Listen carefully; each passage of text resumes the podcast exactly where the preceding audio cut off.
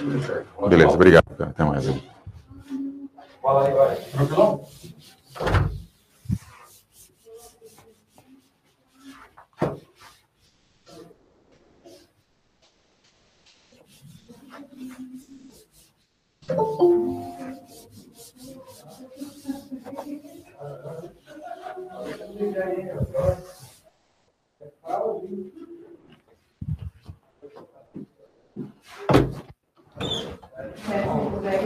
Bom dia.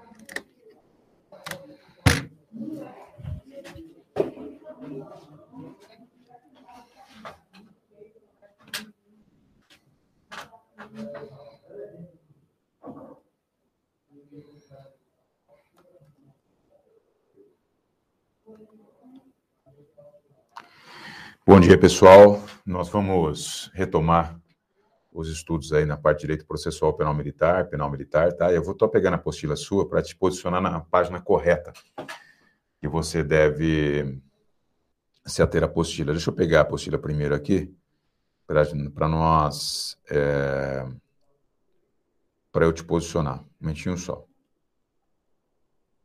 Nós veremos hoje a parte processual penal militar, tá? Uma parte mais gostosa, mais, mais, assim, mais palatável, né? Agradável, até de certa forma. Já vimos algumas coisas referente a ela, tá? Vamos repassar, vamos retomar aquilo que já vimos, é, de forma rápida, lógico, né? Para que você só reveja aquilo que já teve já. Por quê? Porque. Deixa eu pegar o seu edital aqui.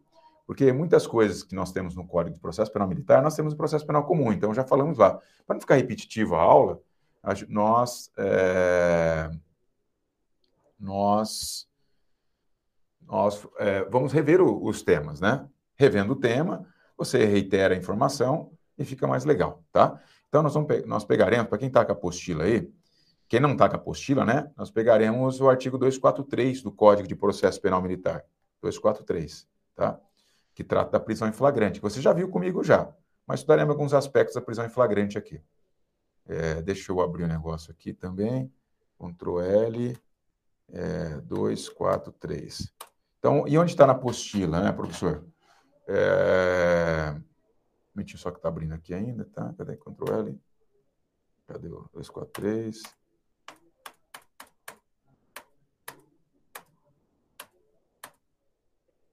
Dois, quatro, três. Peguei aqui já. Eu vou compartilhar, eu, quero, eu vou compartilhar a apostila para você também é, ter a visão que eu tenho aqui, na sua apostila aí, para você eventualmente falar, ah, quero marcar igual está marcado lá. Você já marca na sua apostila o jeito está marcado aqui, tá bom? E eu vou evidenciando aquilo que é importante para nós. É, o, os tópicos da, do, curso de sargento, eles são mais restritos, né? Bem, bem, bem simplórios. Perto do que cai para o CH, né? Que já te alerto que vai abrir concurso CH aí, né? Até, até legal. É... Nossa, é bem, bem restrito, tá? Então, abri a apostila aqui já. Deixa eu pegar a sua apostila, ver que página que tá, né? Porque... Deixa eu pegar aqui. Apostilas... Apostilas. Apostilas CFS e o CAS. Apostilas completas. Deixa eu ver aqui. Tá abrindo, Ctrl F, 243. 243 a página. A apostila completa é dura aqui. Vou pegar só de direito só. Um momentinho só.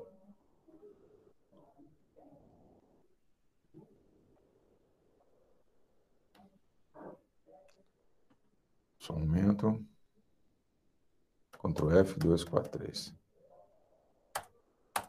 Meu, não tá aqui. Caramba, será que. Ou todo dia a mesma coisa?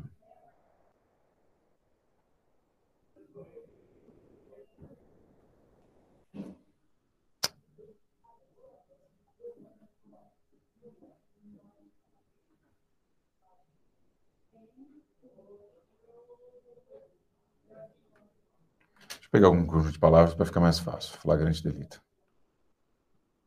Fica mais fácil aqui eu posicionar você.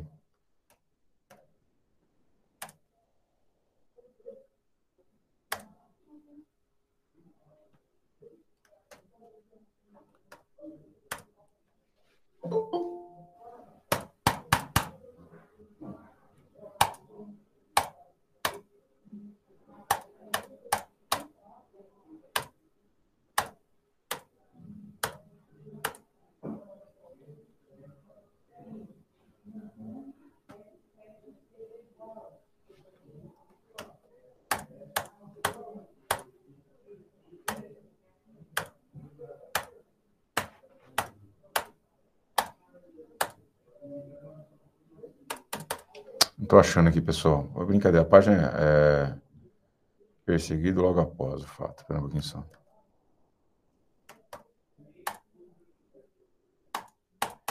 Meu, não está aqui. É brincadeira. É umas coisas que eu não entendo, viu, meu? É, ó, juro para você, viu? É de.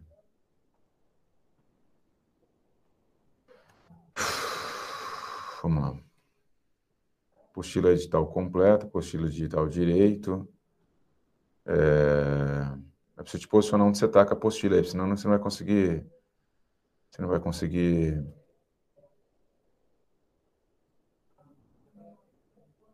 Direito, complemento. Deixa eu ver aqui.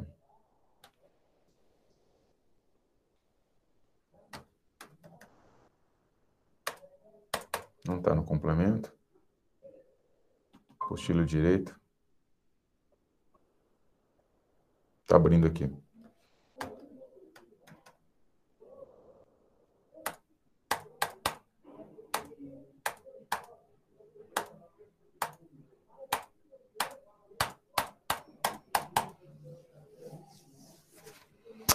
O tempo que nós já de tempo de aula não perdemos já.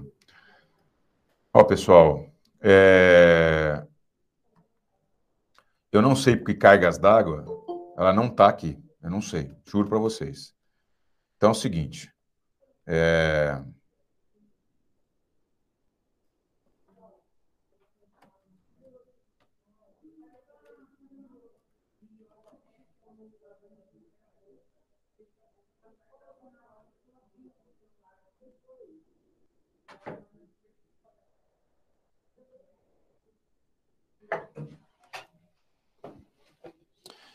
que, eu vou recomendar para vocês? Nós vamos pegar o site do Planalto, eu vou mandar esse material para vocês agora à tarde de novo, que não é possível, e a gente, a gente vai, vai pegar essa parte processual é, e mandar todinha para vocês. Eu estou tentando pegar aqui na apostila, talvez vocês localizem aí, né? Ele trata prisão em flagrante, está na, na, parte direito processual penal da apostila definitiva. Só que eu não tenho encontrado aqui, não estou não tô achando é, deixa eu pegar o tópico no edital para tentar bater pela última vez aqui, só um momento só.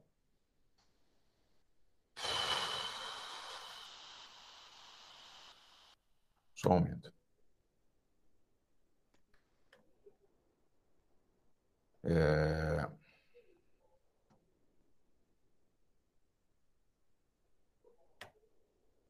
Ciências jurídicas. Ci... Ciências jurídicas. Ciências jurídicas. A hora que você pega o, o tópico lá, ciências jurídicas, nós vamos ter, deixa eu ver, a parte penal militar, processual penal militar, CPPM e tal. Pessoal, eu vou mandar o material já tarde para vocês de processo penal. Então, só fazer o seguinte, nós vamos pegar penal militar, tá bom? Nós pegaremos penal militar, ao invés de entrar no processo penal, nós vamos retomar a aula de onde nós paramos na aula passada. Nós tínhamos visto o crime de motim ou revolta, e é nesse ponto que nós vamos retomar agora. Então, você vai puxar no artigo, deixa eu pegar aqui, é, motim, motim. Deixa eu ver se ele acha aqui motim. É, artigo 149, página 224 da apostila, tá? 149, página 224 da apostila, tá bom? Então, pega aí só que você vai ter que pegar também o material complementar que eu mandei para você. Tá, tá na página apostila certa. Eu mandei material complementar para você, que eu vou, ter, vou abrir para você aqui agora, um momentinho só. Se você não tiver, então página, vou colocar aqui, ó. Então nós estamos falando agora de direito penal militar, tá? Direito penal militar. Nós estamos na página página 224, tá? É, nós nós é, faremos aqui faremos aqui um, um breve retrocesso do artigo 149, que é o crime de do, do CPM, né, do Código Penal Militar, e depois seguiremos adiante em outros artigos aí, tá bom? Então vamos lá. É, página 224. Deixa eu pegar material complementar para você, que eu tenho certeza que tem lá material complementar. Deixa eu ver aqui. Complemento. Deve ser esse daqui. Tá, deixa eu pegar aqui o crime do artigo Ctrl F, 149. Não, 150. Deixa eu ver se tem o 150. 150.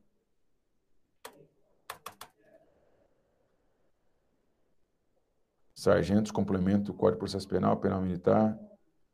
Complemento aqui.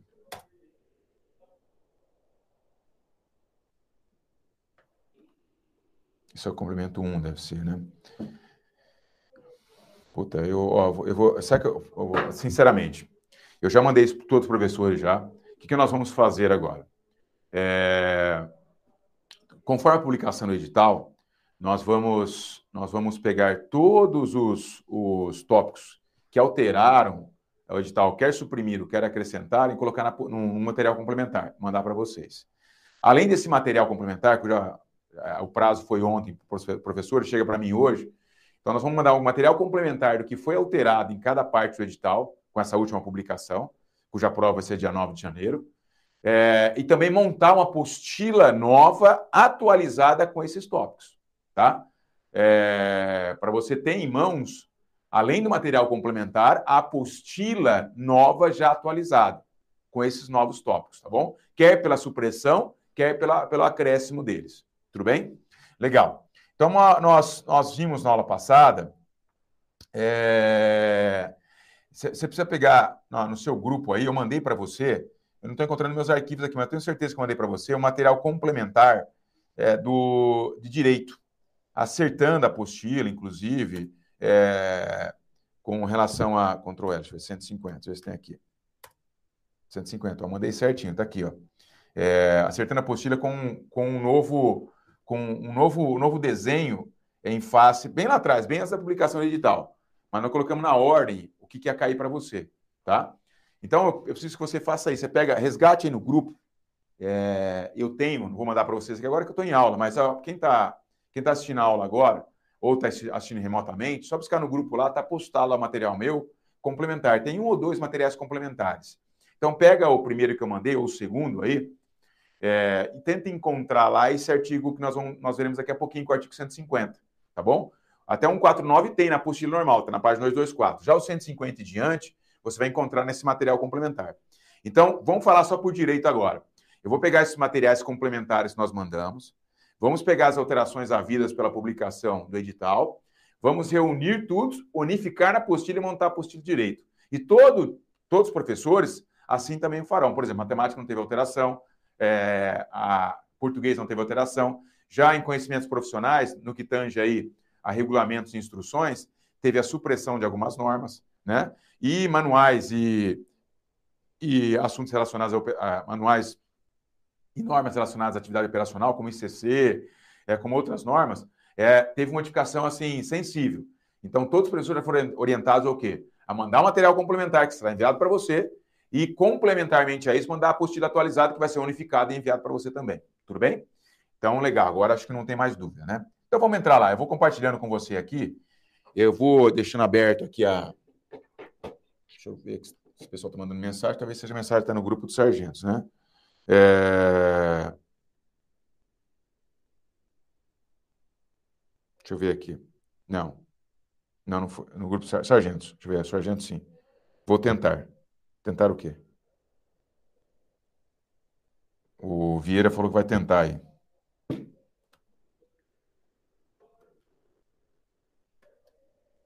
está aqui. Deixa eu ver o que está. Tá. Bom dia, senhores. Acabo de a turma, por gentileza. Alguém pode ver o, o material passado do grupo? Também te agradeço. Confere.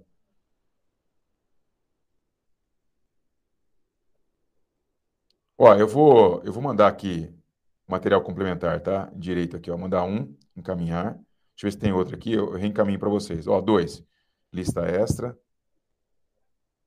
É, mandar dois para vocês aí, ó. Vou reenviar no grupo, tá? É, Sargentos Online. Porque aqui, aqueles que apagaram já têm em mão já os dois materiais novamente. Tá bom? Tá sendo enviados aí, tá. A rede está um pouquinho lenta aqui por causa da, das aulas, mas vai chegar para vocês aí. É... Então vamos lá. Vamos lá. É... Olha só. Olha só. Vamos pegar o artigo 149, só para repassar o que nós havíamos falado, tá bom? Vamos lá. 149 aí. Deixa eu pegar o. Você, pega a apostila e eu pego o código, tá bom? Ctrl F 149. O que, nós vimos aqui no 149, pessoal? Nós vimos o crime de motim, revolta. Deixa eu compartilhar a tela com você aí, para você ir acompanhando o que eu estou falando. Nós vimos, como eu não vou usar a lousa por enquanto, né? É, nós vimos o crime de motim ou revolta. É, você viu que esse crime é chamado crime é, de conteúdo. Crime de conteúdo. Crime plurissubjetivo. Por que, que é um crime plurissubjetivo? Anotem aí, plurissubjetivo. Porque é um crime de concurso necessário. Né? É, olha, necessariamente tem que ter mais de um militar. Reunirem-se militares, é, não tem assemelhados mais, né? Reunirem-se militares. Reunirem-se militares. Tá? É, ou seja, mais de um militar. Então, para que haja o cometimento desse crime, tem que haver o concurso necessário de dois ou mais militares. Primeira coisa é isso. É crime propriamente militar. Por que é crime propriamente militar? Se você pegar na aula passada, você vai encontrar no artigo 9, inciso 1, aqueles crimes que só têm presença no Código Penal Militar.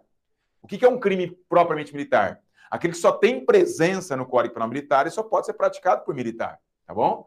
É, essencialmente ou puramente militar. Então, a tipificação indireta dele. Qual que é a tipificação indireta? Artigo 9, inciso 1, tá? É, que mais? Então, além de ser é, um crime plurissubjetivo, é o chamado de concurso necessário, é um crime propriamente militar, é, que, que tem na sua forma qualificada, é, alguns pensam que é um crime, né, mas não tem na sua forma qualificada chamada revolta. Por que, que não existe o crime de revolta, e sim o crime motim qualificado com emprego de arma, que é chamado de revolta? Porque, olha, a revolta é uma forma qualificada. Na revolta, lá no parágrafo, vou sublinhar para vocês verem aqui, ó, lá no parágrafo único do próprio é, motim, quando os agentes estavam armados, ou seja, mais de um agente, mais de uma arma. É, essa, esse motim, ele se convola, se converte, se transforma em revolta, tá bom? Legal. É, e como que eles praticam o motim? Ou eles, ó, como está aqui, ó, sublinhar só os núcleos do tipo, chamados verbos.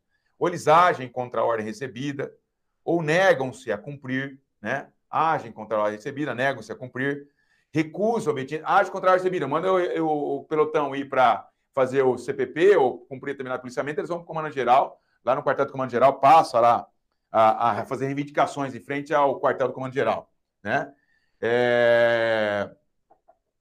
Ou negam-se a cumprir a ordem, manda fazer uma ordem tal, ele fala, não, não vou assumir, a, a, nós não iremos assumir a base comunitária de segurança lá na Praça Princesa Isabel, por exemplo, onde temos os, os craquentos lá, né? Olha lá, recusa a obediência de, superior quando estejam agindo sem ordem ou praticando violência. Para de praticar essa agressão no cara aí. E os todos dizem, ah, parar, não, todo mundo continua batendo no cara lá quando foi, já foi cessado a abordagem, né? Olha, isso é motim. Eles negam-se a cumprir obediência quando determinado em ordem superior. Ou, voltando um pouquinho aqui, ó, ou quando estejam agindo sem, estejam agindo, né, sem ordem. Por exemplo, fazendo greve na Praça da Sé fardado e armados lá, né? É... que mais sobre, sobre isso? Assentindo em com, recusa em conjunto, nós tínhamos falado também. Eles é o motim por assentimento, né? O que é o motim por assentimento aí? É, várias, vários militares recusando-se conjuntamente a praticar algo. Eu chego lá na operação virada cultural e falo assim, ó, eu quero que vocês abordem pelo menos aí 10 craquentos cada pelotão.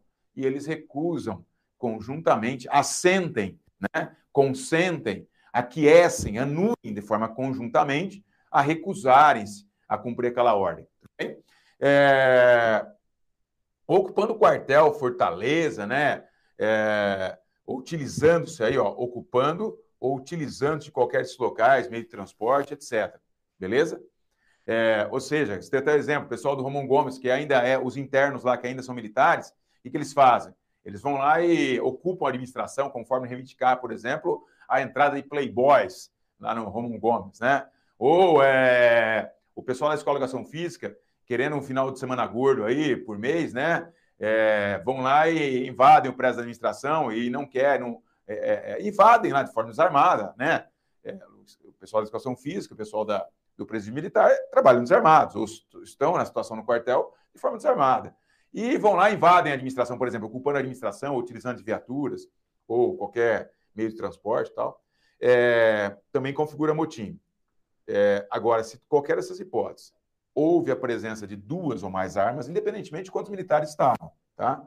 Houve a presença de duas ou mais armas, essa, esse motim converte-se em revolta, que é uma forma de. É, o que é a revolta? A revolta nada mais é que uma forma de motim qualificado, como nós tínhamos visto já, né? E agora nós vamos entrar no crime do artigo 150, que é o crime. É, tá, cadê? Organização para o grupo de grupo para a prática de violência. Essa questão já caiu, já. Ah, vamos fazer cada vez que nós. Deixa eu abrir um, um arquivo aqui. Cada vez que nós passarmos um crime, vamos fazer um, uma, uma questão sobre ele. Fica legal assim. Inclusive, eu lembro que caiu essa questão da. Foi boa, boa sacada, boa, boa lembrada. Na, outra, na última aula eu tinha feito, ficou legal. Deixa eu colocar aqui o livro meu, espera um pouquinho só. Só que está com gabarito, né, pessoal? Mas aí já. É, se eu tirar, me dá depois, eu não consigo colocar de volta. É, é, me atrapalha para colocar de volta. Então, vamos, vamos pegar aqui, cadê? Deixa eu pegar os livros aqui. A gente faz a questão que está no livro. Aqui, achei. É, deixa eu colocar em aberto aqui já, que já, já deixa em stand-by aqui já para gente, para nós fazermos, tá? E eu, eu lembro que caiu é, do artigo 150, né? Caiu. É, aqui, pera um pouquinho só. Isso tem bastante coisa. Caiu questão, não, não sei se para você, mas que eu sei que eu tenho certeza que na, na PM já caiu já. Né? Organização para o grupo, organização de grupo para a prática de violência. Tá? Mexendo só, Ctrl L, Ctrl V, vamos buscar lá o crime lá. Está procurando, quase achou, achei a questão já, ó. Está procurando novamente, cadê aqui? Ctrl L, vai, procurando. Achei. Achei aqui. Caiu no Ministério. Ó, caiu para a promotoria já, meu. Promotoria de, da Justiça Militar, né? É, caíram em alguns lugares. Vamos, nós vamos, vamos, vamos fazer algumas questões sobre isso também, tá bom? Legal, bem sacada. É, vamos pegar, só um momento só, Ctrl L, Ctrl V aqui. Então vamos lá. Vamos pegar, vamos sublinhar, vamos estudar, começar a estudar os crimes e tem bastante crime, pessoal. Preparem-se aí, porque hoje vai. E é, são crimes que às vezes você não conhece, né? São crimes que às vezes você não conhece, está tá lá. Então, o que fala aqui, ó? Qual que é o crime que nós estudar hoje? Organização para, de grupo para a prática de violência, tá? Tem um detalhezinho, um detalhezinho somente nesse crime.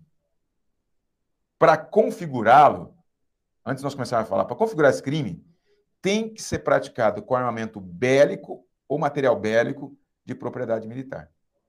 Se não for utilizado o armamento bélico ou material bélico de propriedade militar, nós não teremos esse crime, porque é uma elementar. É uma elementar funcionante bélica do, da, do objeto material do crime, tá? do instrumento utilizado para a prática do crime. E o que, que fala aí ó, no crime? Reunirem-se dois, puxa um viés da palavra dois aí, ah, professor, não estou encontrando aqui o material, não estou encontrando no caderno. Está no material complementar, está na apostila. Mas fiquem tranquilos, como acabei de dizer no começo da aula, que você que entrou agora. Nós vamos mandar esse material para você novamente, com a apostila já atualizada, com todo o material para você visualizar é, de forma completa a apostila pós publicação do edital, e já, é assim, reunindo todo o material complementar, inclusive as questões que nós enviamos para vocês, tá? Então, o que nós temos aí, ó? Reunindo esse dois, então coloca artigo 150 do CPM, organização de grupo para a prática é, de violência, tá? É, reunindo esses dois ou mais militares. Pessoal, toda vez que ele fala militar, é militar da ativa, tá? Toda vez que ele falar militar, em qualquer tipo penal, é o conceito do artigo 22 do Código Penal Militar, é militar da ativa, tá? Quem que é militar da ativa? Aquela pessoa que está servindo, ou aquela pessoa humana, né? Que está servindo as Forças Armadas naquele momento, tá? Então, reunindo-se dois ou mais militares, se eu falo que são dois no mínimo, você coloca aí, ó, crime de concurso necessário. Crime de concurso necessário, ou chamado crime é. Já caiu isso já, por isso que eu estou batendo essa tecla. Já caiu isso já no crime de motim, inclusive. Tá? Crime plurissubjetivo de concurso necessário. Então, reúnem-se dois ou mais militares para fazer o quê? É, aliás, com o quê? Qual o instrumento? Com armamento é, e material bélico. Com armamento e material bélico. Deixa eu, deixa eu, eu compartilhar uma tela com você aqui, tentar acho, clarear um pouquinho, tá? É, para ver se fica melhor para você visualizar. olha só. Deixa eu pegar aqui, interromper o compartilhamento, né? E compartilhar outra tela com vocês. Quer ver? Ó, fica até melhor para você visualizar o que eu estou falando. E dar mais dinamismo na aula também. Olha aqui, ó. Olha que legal isso aqui. Faço o mesmo aí para você, a mesma coisa, a letra seca da lei, só que com um colorido mais campineiro aí, bem mais arco-íris, né? Mas vamos lá, ó. olha só. Reunirem-se dois ou mais militares. Assemelhado você esquece, vou até colocar aqui já, vou até, ó, você vê que eu vou alterando. Assemelhado não existe mais na nossa, na nossa situação jurídica. Na, na situação jurídica do servidor público não existe assemelhado. Então, reunirem-se Vamos tirar isso aqui. Reunir-se dois ou mais militares com armamento ou material bélico. Olha o que eu coloquei aqui, ó. Se for material particular, pode ser um outro crime, tá? Se for material particular, é um outro crime. O material tem que ser bélico do, da, da instituição. Se for material é, é, particular, ou armas particulares, ou material bélico, carregadores particulares, é, munições particulares, haverá outro crime. Mas, olha lá, reunir com um armamento material bélico de propriedade da Polícia Militar, de propriedade das instituições militares ou da, das Forças Armadas. Praticando violência. Percebe que ele não colocou grave ameaço aí. Praticando violência. O que é violência? Puxa um viés, anote aí, pessoal. Puxa um viés, anote aí. Violência é qualquer desforço físico empregado pelo agente contra a vítima. Violência é qualquer esforço físico empregado pelo agente contra a vítima. Isso é violência. Qualquer esforço físico empregado pelo, pelo, pelo agente contra a vítima. Então, coloca como exemplos de violência: empurrão, chute, murro, pontapé, é, soco, estocada. Então, coloca isso aí, ó. O que, que é violência? É qualquer esforço físico empregado pelo agente contra a vítima. Empurrão, soco, murro, pontapé, estocada de estilete, soco, murro, pontapé, estila, é, é, estocada de estilete. Então, até quando o cara empurra a mulher para subtrair a bolsa, não houve violência? Houve, é roubo, né? Quando o cara, o, o inferior empurra o superior, ou o superior empurra o, o inferior, é violência contra o superior ou violência contra inferior. Então, o que, é violência? Violência é qualquer esforço físico empregado pelo agente contra a vítima. Tá? É, exemplos, coloque entre parênteses aí: empurrão, chute, murro, pontapé, é, soco, estocada. É, ou coloca aí, vírgula, fecha parênteses, ou ato que atinge a sua integridade física. Ou ato que atinge a sua integridade física. Por exemplo, um disparo no pé é uma forma de violência. Né? É, uma apunhalada é uma forma de violência. Tá? Mas a grave ameaça não tem nesse crime. E o que é grave ameaça? Grave ameaça, você vai colocar assim, ó. É a promessa de um mal justo iminente, um mal justo e iminente. É a promessa de um mal injusto e iminente, tá? Eu falei justo, né? Nem sei. Promessa de um mal injusto e iminente, tá bom? É... Mas eles se reúnem, esses militares, utilizando material bélico de propriedade do Estado, administração militar, é, voltada a praticar violências. É, aí ele fala um negócio que não precisa nem ter falado, né? contra a pessoa ou coisa pública, a violência pode ser direcionada à pessoa, exemplo, agredir, é, atirar, é, matar, né? É, pessoas, além de responder pelos crimes contra a violência, a, a, o fruto da violência, vai responder por esse crime. E também praticar violência contra a coisa, porque a violência não pode ser praticada só contra a pessoa. Pode ser praticado contra a coisa também. Exemplo, depedrar, né? É, danificar orelhões, por exemplo, nem existe mais isso, né? Mas portas, carros, viaturas. Então, é, o cara que pratica esse tipo de violência contra a coisa, danificando a coisa, mas por, por um, um, prévio, uma prévia montagem, uma organização é, policial voltada, ou militar voltada à prática desse tipo de crime, configura o 150. Então, o que é o 150? Dois ou mais militares se reúnem, pegam o armamento material bélico da instituição, né? E vão direcionados a praticar violência, somente violência, contra pessoas ou coisas. Aí ele fala uma coisa que não tem nada a ver, podia ter ficado quieto, né? Em lugar sujeito na administração militar, ou seja, qualquer lugar. Podia ter colocado lá em qualquer lugar. Se for lugar sujeito, beleza. Se não for lugar sujeito, também também, mesma coisa. Então tá zero a zero. Ou ficado quieto. Mas tá lá, em local sujeito ou não administração militar. E ele já perguntou sobre isso também já, viu? Por exemplo, somente em local sujeito à administração militar ou em local sujeito. Não, é em qualquer local. Beleza? Legal. É pena reclusão de 4 a 8 anos nos interessa nesse aspecto, né? É... Então, voltando lá para o 150, agora vou descompartilhar aqui, que já passar. Eu vou, vamos fazer uma, uma pergunta, uma, uma, uma, questão sobre o artigo 150. É, deixa eu compartilhar com vocês. Vamos fazer um 149 que nós não fizemos na aula passada. Já vamos pegar o 150 já também fazer uma. Deixa eu escolher uma legal aqui para a gente, tá? É, quando sobe para você, deixa eu pegar uma, de preferência uma recente. Ah, não, acho que fizemos sim de, de motim, né? Ou não, não lembro agora. Deixa eu ver. É... Acho que fizemos sim. Vamos fazer uma. Acho que fizemos sim. Tá? Fizemos sim. Eu lembrei agora, fizemos sim. Fechamos com uma, com uma de motim. Vou fazer o do 150. Então, nós temos aí, ó, a letra da lei. Vamos ver o que caiu aqui, ó. O crime previsto no artigo 150 do Código Penal Militar, sob a rubrica Organização de Grupo para a Prática de Violência, é classificado como. Ó, olha aqui, ó, que legal. Eu não trouxe o concurso aqui, esqueci. Né? Não coloquei no livro isso. Mas olha só, é crime propriamente militar ou impropriamente militar? Esse crime tem no Código Penal Militar, Penal Comum? Não. Esse crime só tem no Código Penal Militar. Bom, se ele só tem no Código Penal Militar, é um crime militar impróprio ou próprio? Bom, se ele só tem no Código Penal Militar, a classificação jurídica dele, ou a tipicidade indireta, está no artigo 9, inciso 1. 9, inciso 1, tá? Ou seja, são crimes que só existem no Código Penal Militar. Se pegar, você vai encontrar isso lá. É, e é um crime pluri ou monossubjetivo. Ou seja, o que é um crime pluri? É aquele crime que depende da presença de dois ou mais agentes. É o chamado crime é, de concurso necessário. Por que concurso necessário?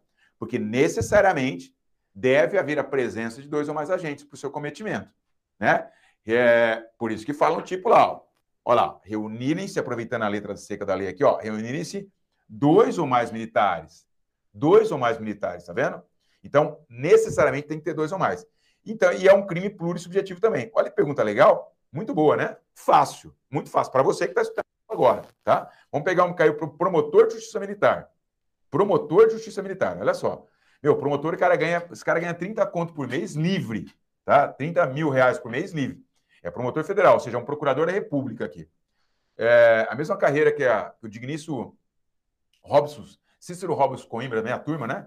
O Coimbra da minha turma é, ingressa hoje e bem dignifica a carreira lá nos quadros do Ministério Público Militar, tá?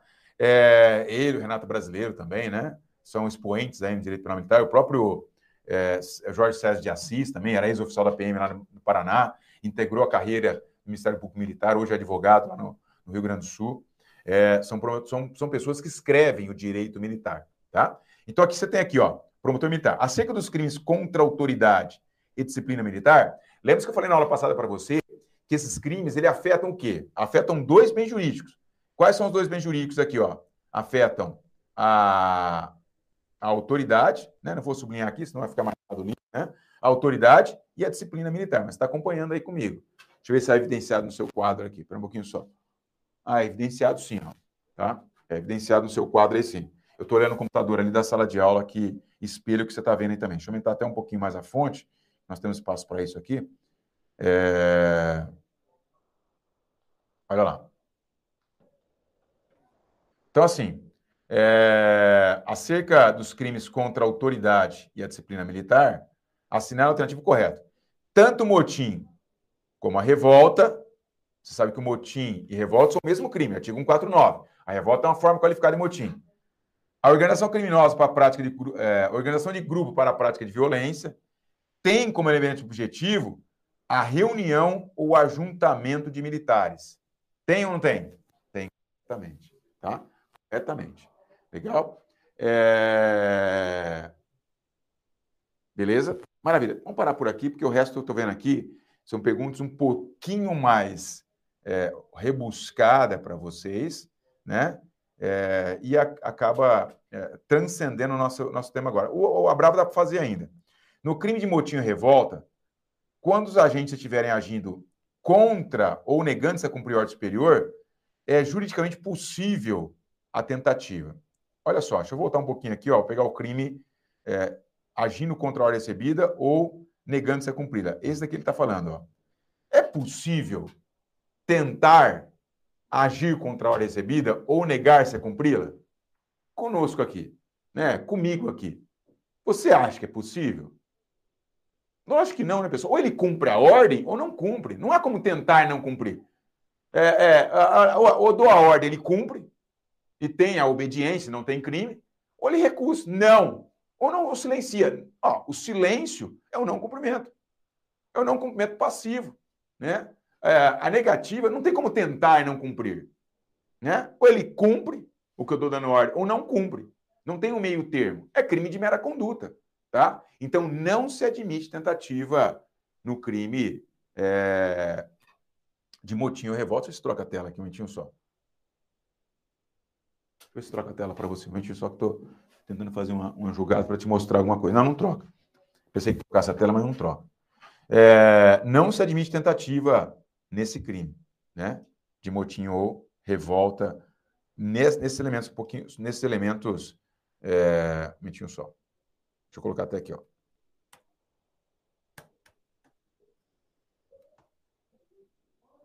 Não se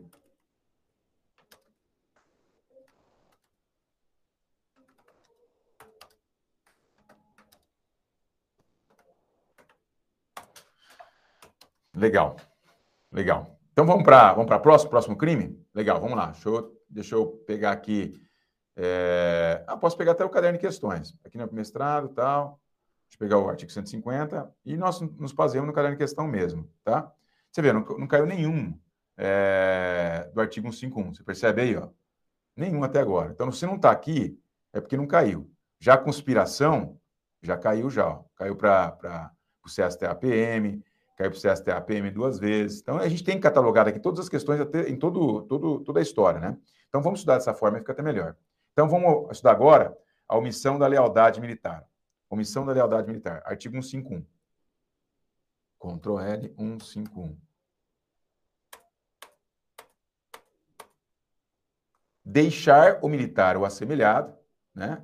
Deixar o militar ou assemelhado, de levar ao conhecimento da, do superior motim ou revolta cuja preparação teve notícia. Ou estando presente ao ato do, dessa, dessa trama do motim ou revolta, ele não evita todos os esforços aí, né? É, não usa todos os meios para ao seu alcance Então, o tipo penal ele é, ele é bem claro nesse aspecto. Ó. Deixar. Quando eu falo deixar, pessoal, o que, que é isso? Puxa um viés, anota aí. É crime omissivo próprio. Crime omissivo próprio. Ele se consuma com uma omissão. E se você perceber aí, ó, ó, nós temos dois elementos do tipo deixar e não usar. Ó, dois elementos do tipo, duas formas de praticar o crime. Ou ele deixa, ou ele não usa. Deixa eu ver se está legível para você. Tá, tá bem legível sim. Tá bem legível para você, né? É, deixar o militar, ou assemelhar de levar ao superior o motim ou revolta, cuja preparação teve notícia, o cara sabe, ele tava, teve notícia ou por comentários que ele escutou, ou porque estava lá reunido, o pessoal estava conversando e combinaram, falou, ó, vamos agir contra a ordem recebida, vamos recusar cumprir, vamos invadir o quartel, vamos pegar os meios de transporte e usá-los aí sem ordem superior. É... Olha lá, eles praticam qualquer descomportamento descrito no artigo 149. Se estiverem armados, revolta, tá? Mas ele deixa é, de levar ao conhecimento da, do superior, ou seja, é, é obrigado no, no, no, no, direito penal militar né, é, a ser o dedo duro, a denunciar quando tiver é, o, o, a notícia de um crime. É obrigado a tomar providência, sob pena de incorrer no crime, nessa, nesse crime de omissão da lealdade ou da legalidade né, militar. Porque ele tem um dever com a legalidade, tem o dever de agir. Agir como? Ou ele leva o superior aquele motivo de revolta que ele tomou conhecimento, ou usa dos meios que tem à disposição naquele momento para impedir que o crime ocorra, que é o que fala aí. São dois elementos do tipo, tá? Ó, ele não deixa, ele não usa, né? Todos meios para impedi-lo. Pode colocar aí, ó, é crime omissivo próprio. Pessoal, outra coisa que você vai notar aí também. Todo crime, todo crime no direito penal militar, todo crime, né? É, direito penal militar, não preciso falar nada aqui que é, esse, todos os demais. Eu não posso falar tudo, porque senão eu estarei mentindo aqui. Mas para você, no seu edital, todos os crimes do seu edital, quanto aos crimes militares, são de ação penal pública incondicionada, tá? Todos os crimes no seu edital são de ação penal pública incondicionada, tá bom? Esse crime aqui pode pode colocar aí, ó, é um crime acessório. O que é um crime acessório? Wesley até lembrou, né? Ele não está na sala de aula agora, mas Wesley lembrou na aula passada, umas aulas aí anteriores. É, crime acessório é aquele que depende da existência de um crime anterior, tá? Deixa eu ver se ele está aqui. É... é aquele crime que depende da existência de um crime anterior, ou seja, para sua consumação. Se não existir um crime anterior, até ah, tá presente aí, né, Wesley? Beleza. É, maravilha. Ele está falando, ele citou até o exemplo da receptação, lembra até agora, né? Quando nós passamos pelo 348, 349. Então, o crime de, de omissão da lealdade militar, ele é um crime que depende da essência um crime anterior. O mero fato do, assim, depende, né? Ele vai, ele vai consumar quando aquela, aquela, aquele engendramento ali ocorrer, tá? Então depende da essência um crime anterior, ou seja, do crime de, de conspiração que nós veremos daqui a pouquinho. O próximo crime ali, que é o crime de conspiração, tá? É... Percebam aí que tem um, para a prática do crime de motim ou revolta, há uma, um movimento de conspiração coletiva. Para agir, ó, de novo, ó, já caiu isso várias vezes, pessoal, para agir contra a autoridade e contra a disciplina. Todos os crimes que vamos estudar aqui para frente atingem de forma pungente, de forma assim, é, assim a, a, a afetar de forma pungente mesmo, é, de forma a quebrar, ela, ele quebra de forma fatal a hierarquia e disciplina e a autoridade militar. Mas legal. Vamos ver o que caiu sobre a omissão da lealdade. Ah, não caiu nenhum crime, nenhuma questão até hoje, né? Legal. Vamos pegar a conspiração. É, olha só, quando os caras estão lá tramando a prática do motim ou revolta, só antes de entrar no próprio crime, né? É, não vou separar aqui, deixar o, o, as perguntas aqui já. É, quando, antes, quando os caras estão tramando lá a prática do crime de motim ou revolta, né?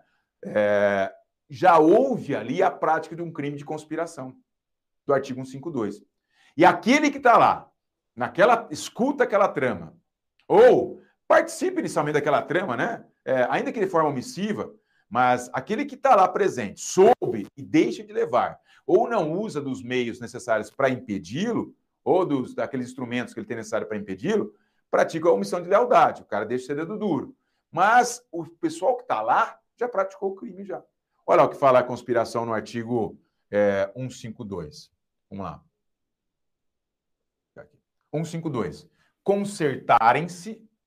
Quando, gente, quando, os militares se consertam, o que, que eles estão fazendo? Eles estão se engendrando, eles estão tramando, eles estão aí é, né, consertando, estão, combinando, estão, engendrando, estão tramando, estão combinando é, é, para a prática de crime previsto no artigo 149. A gente pode até tirar, eu não vou tirar aqui porque faz parte do livro, vou deixar na íntegra aqui, né? Mas poderia até tirar esses assemelhados. Por que pode tirar os assemelhados? Porque assemelhados não existe mais na nossa figura jurídica, né? Essa figura jurídica não existe nas Forças Armadas, não existe aqui na Polícia Militar. Muito se cogitou, ah, será que assemelhado é igual ao temporário, né? Será que o funcionário civil não é assemelhado? Então, assim, esqueçam, para fins penais militares, isso nunca caiu e é de pouco relevo, porque nunca, nunca, nunca ninguém questionou isso em prova. Tá? Eu estou falando em prova, não só a prova na concurso da PM, em Forças Armadas, é, nas carreiras militares, como juiz militar, Ministério Público Militar, oficial de justiça, escrevente técnico judiciário, ninguém nunca perguntou sobre a semelhança, ou seja, a figura morta. Então, naquilo que você vê semelhança, esquece. consertar esses militares. Quem que são esses militares? Militar da ativa. Porque o militar da inativa não pratica esse crime. Toda vez, guarda isso, pessoal, que eu tenho medo de perguntar isso para você, que já perguntou isso no CH já. Toda vez que um crime tiver a palavra militar no meio dele, como elementar, esse militar é o conceito do artigo 22 do Código Penal Militar, tá? Eu vou te mostrar o conceito do artigo 22. É que demora um pouquinho, né? É, assim, alguns segundos para eu compartilhar a tela. Deixa eu pegar aqui no...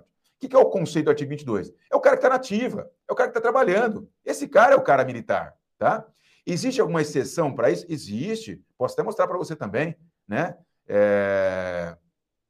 Eu te mostro, cadê o 22? Achei aqui, vou compartilhar a tela com você. Ó. Pessoa considerada militar. Então, toda vez, guardem isso, toda vez que você enxergar num crime a palavra militar, como o sujeito está praticando crime, por exemplo, motiva, ausentar-se o militar por mais de oito dias do local que deveria ficar, sem autorização da autoridade superior, ou seja, o crime de deserção. Motim, reunirem-se militares, né? É, reunirem-se militares voltados para a prática de violência. Então, assim, toda vez que você falar a palavra militar, no, no, como elementar do tipo, é o militar em situação de atividade. Onde, qual que é o conceito que eu vou me valer? Não está na sua apostila, mas você pegar é, o Código Penal Militar, lá baixado do site do Planalto, vai chegar esse artigo 22 aí, ó, que está subindo agora para você, quer ver? É, artigo 22 aí, ó. Quem, quem é considerado militar? É considerado militar para efeito da aplicação desse código qualquer pessoa que, em tempo de paz ou de guerra, seja incorporada às Forças Armadas, ou nelas, para nelas servir imposto, graduação, sujeição à, a, a, a, sujeição à, disciplina militar. Então, o que é militar para o Código Penal Militar? Militar é aquele cara que está na ativa, é o cara que está engajado, é o cara que está servindo. Mas pode ainda, olha só que conceito legal, né? É só para você compreender, tá? Você está comigo aqui na tela, ó, olha só. Equiparação a, a militar da ativa. É, o militar da reserva reformado, que for empregado na administração militar, equipara-se militar em situação de atividade, para efeito da aplicação da lei. Então, se, houver, se for adiante aquela, aquela proposta de continuar o militar, de eu recontratar o militar aposentado, o cara que está na reserva reformado, eu posso trazê-lo de volta para a administração? Posso. Na medida que ele é novamente, é, é, é, ele é readaptado, não, ele é reintegrado à corporação, reintegrado no bom sentido. Eu tiro ele da aposentadoria e trago ele para ser novamente integrante da instituição. Quando eu faço isso, ele está sujeito ao Código Penal Militar também e aos regulamentos disciplinares. Então, quem que é militar? Toda vez que aparecer no Código Penal Militar um crime com a palavra militar. Militar é aquele cara que está na atividade ou aquele que era inativo e foi reintegrado. Reintegrado não é a palavra mais adequada, tá? Tecnicamente não é viável essa palavra. Mas é a que mais se aproxima para você agora. Eu trago ele novamente, né? eu reincorporo ele, pode pegar até a palavra do, do, do artigo 12, né?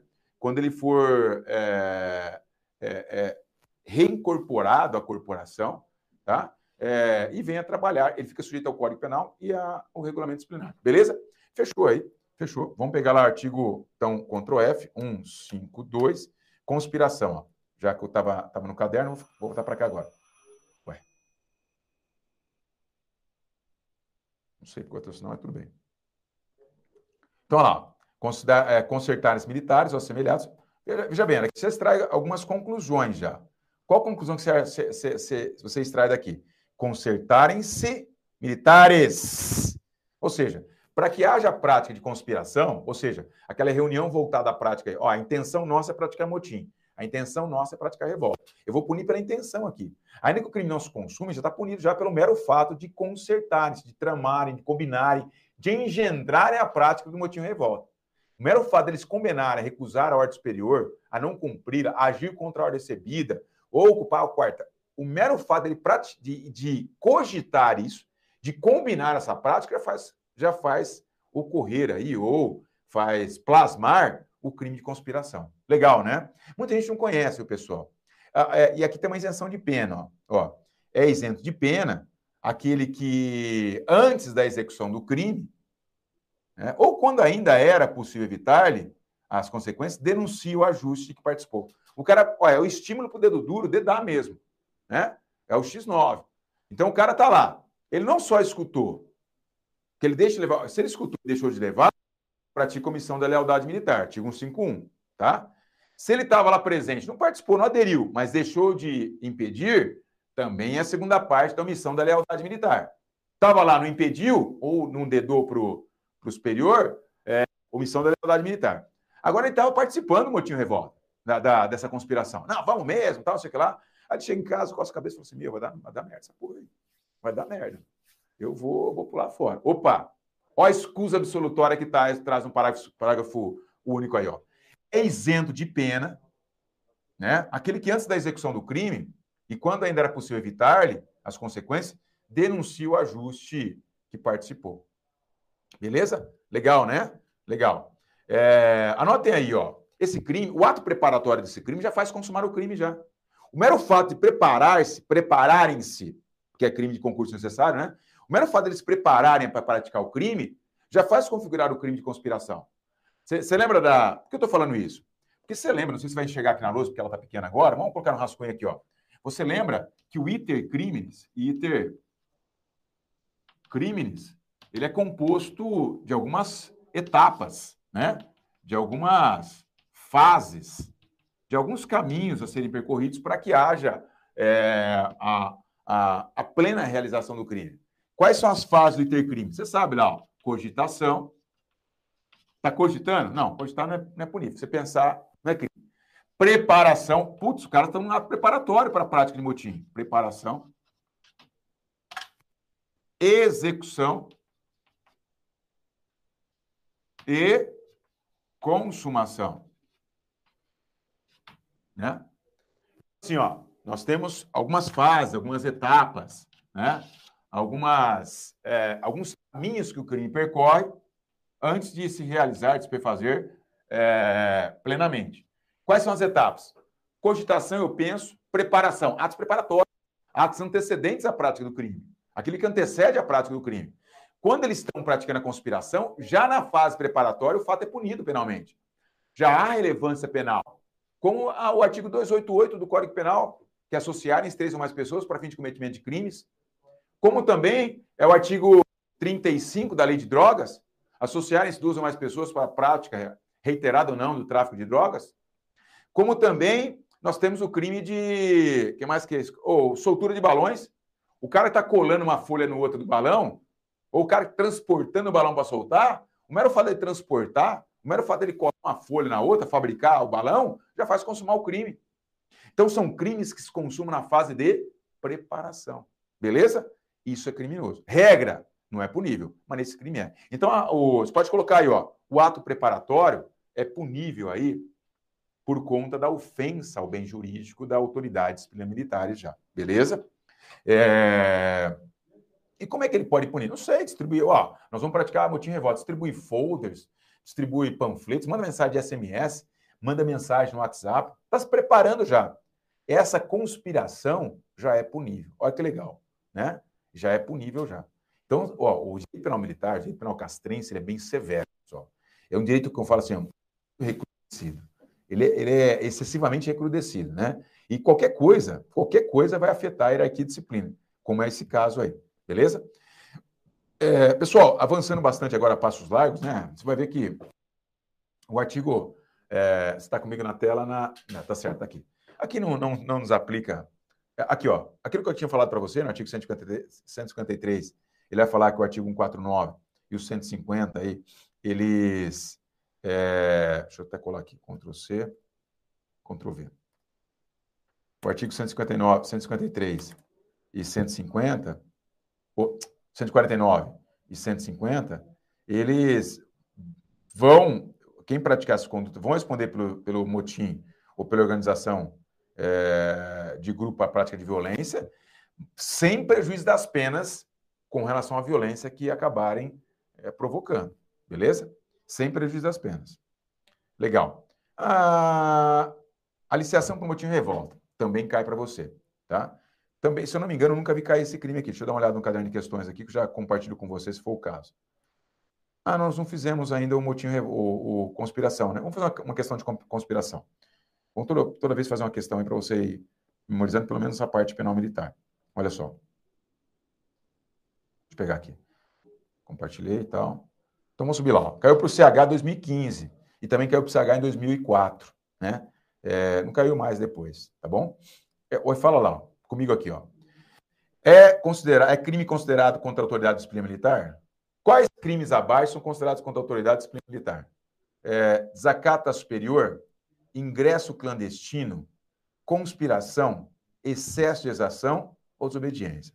Esses dois últimos aqui é crime contra a administração da justiça militar, tá? O ingresso clandestino, que está no artigo 202, eu vou compartilhar com você aqui, 202. É, desculpa, 202 é embriaguez.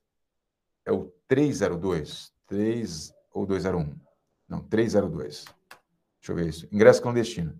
O ingresso clandestino, pessoal, ele é crime é, contra a administração militar também, não é crime contra a autoridade ou disciplina, tá? É, e o zacato superior, que está lá no 298, contra o F298. 298, deixa eu ver aqui. Isso. 298 é crime contra a administração militar também. Então, todos os crimes que estão aí são crimes contra a administração militar. É, tirante o quê? A conspiração, que é crime contra a autoridade ou disciplina militares, tá? E os crimes contra a autoridade disciplina militares começam no, no, no 149. Começam lá. Então, todos os crimes que nós estamos vendo aqui agora, vou compartilhar com você, deixa eu pegar aqui com 149. 149, não precisa nem compartilhar por enquanto. Né? É... Cadê? Contra 49. Os crimes contra a autoridade disciplina militar, que estão no título 2, eles começam no 49 e vão embora, viu? Vão embora. Vão, vão, meu, vai descer é, vai até lá apologia fato criminoso. Tá? Legal. Vamos ver o outro que caiu para o CH em 2004. A simples, a simples reunião de militares, que tem como finalidade harmonizarem-se, ou seja, combinarem, tramarem, né, engendrarem-se, para agir contra a ordem recebida. Opa, para agir contra a ordem recebida do superior. Ah, eles estão tramando, né? Eles estão tramando para agir contra a ordem do superior.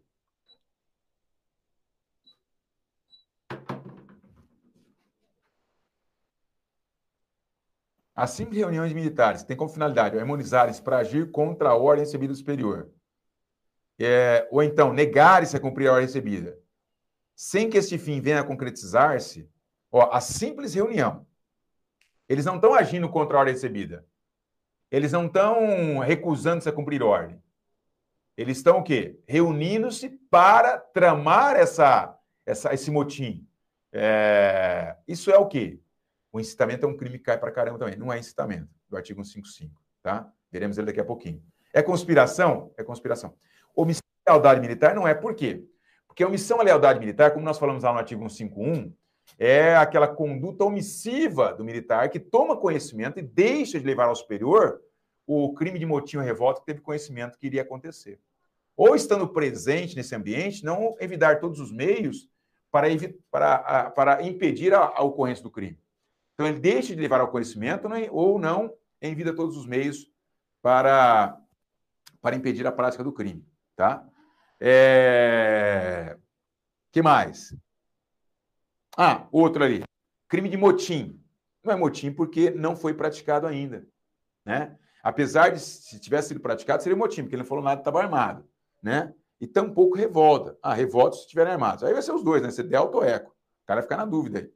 Mas se tiver armado, é revolta, se tiver sem armas, é motim. Mas o, o crime próprio aí, pela mera reunião, o tramar, é, o engendrar, ou harmoniza, a harmonização voltada à prática de motim ou revolta, configura o crime de conspiração do artigo 152. Beleza? É... Lembrando-se que a omissão à lealdade militar, né? Ele é, é, é praticado somente a militar ativa, tá bom? Beleza, então. Continuando aí. Deixa eu ver se está. Ah, tá. Está acompanhando o questionário aqui. Não consigo chegar direito. Esse volta meia tem que ir lá para frente para dar uma olhada. Então, assim, ó, é, o artigo 153, nós falamos que se aplica independentemente da, da, da, da ocorrência do crime de, do 49 de 150. Aplica-se também aqui as penas de violência, aliciação e do incitamento. O artigo 154 nunca caiu, pessoal. Mas vamos conversar, conversar com ele rapidinho aí, tá? Então, o que fala o artigo 154 aí? Você sabe que militar assemelhado não existe mais, né? Então, vamos lá. É, aliciar militar. Presta atenção aqui agora, porque vai entrar numa exceção daquilo que eu havia falado para você agora há pouco. Aliciar militar para a prática de qualquer dos crimes previstos no capítulo anterior. Eu vou seduzir, eu vou atrair, eu vou é, tentar arrebanhar militar para a prática qualquer dos crimes. Quais os crimes? Motim revolta, organização de grupo para a prática de violência, é, é, omissão à lealdade, né, a, o crime de conspiração. Quando eu alicio militar, veja bem que tem a palavra militar no tipo agora. Tem, tem. Ah, então o crime é propriamente militar. Porque só o militar pode praticar. Não, presta atenção. Quem pode aliciar? Quem pode aliciar o militar? Só o militar ou o civil? O civil também pode. O civil também pode aliciar o militar, ou seja, seduzi-lo, atraí-lo, abduzi-lo aí, né? É, convidá-lo a quê? A praticar qualquer dos crimes, o artigo 149 até o artigo 152. Ele pode praticar isso aí. Então, esse não é um crime propriamente militar. Por quê? Porque pode ser praticado por civil. Pode ser praticado por civil. E civil pratica crime militar? Lógico que pratica. A Justiça Militar Estadual não julga civis. O nosso TJM lá, que julga policiais militares do Estado de São Paulo, não julga civis. Não julga militares federais, mas julga militares estaduais. Mas a Justiça Militar Federal, se isso acontecer e tiver como sujeito ativo um civil, ela vai. Ou policial militar, viu? A Justiça Militar Federal julga policial militar. A Justiça Militar Federal julga todo mundo. É a estadual que não pode julgar. A estadual só julga militares estaduais da sua unidade federativa.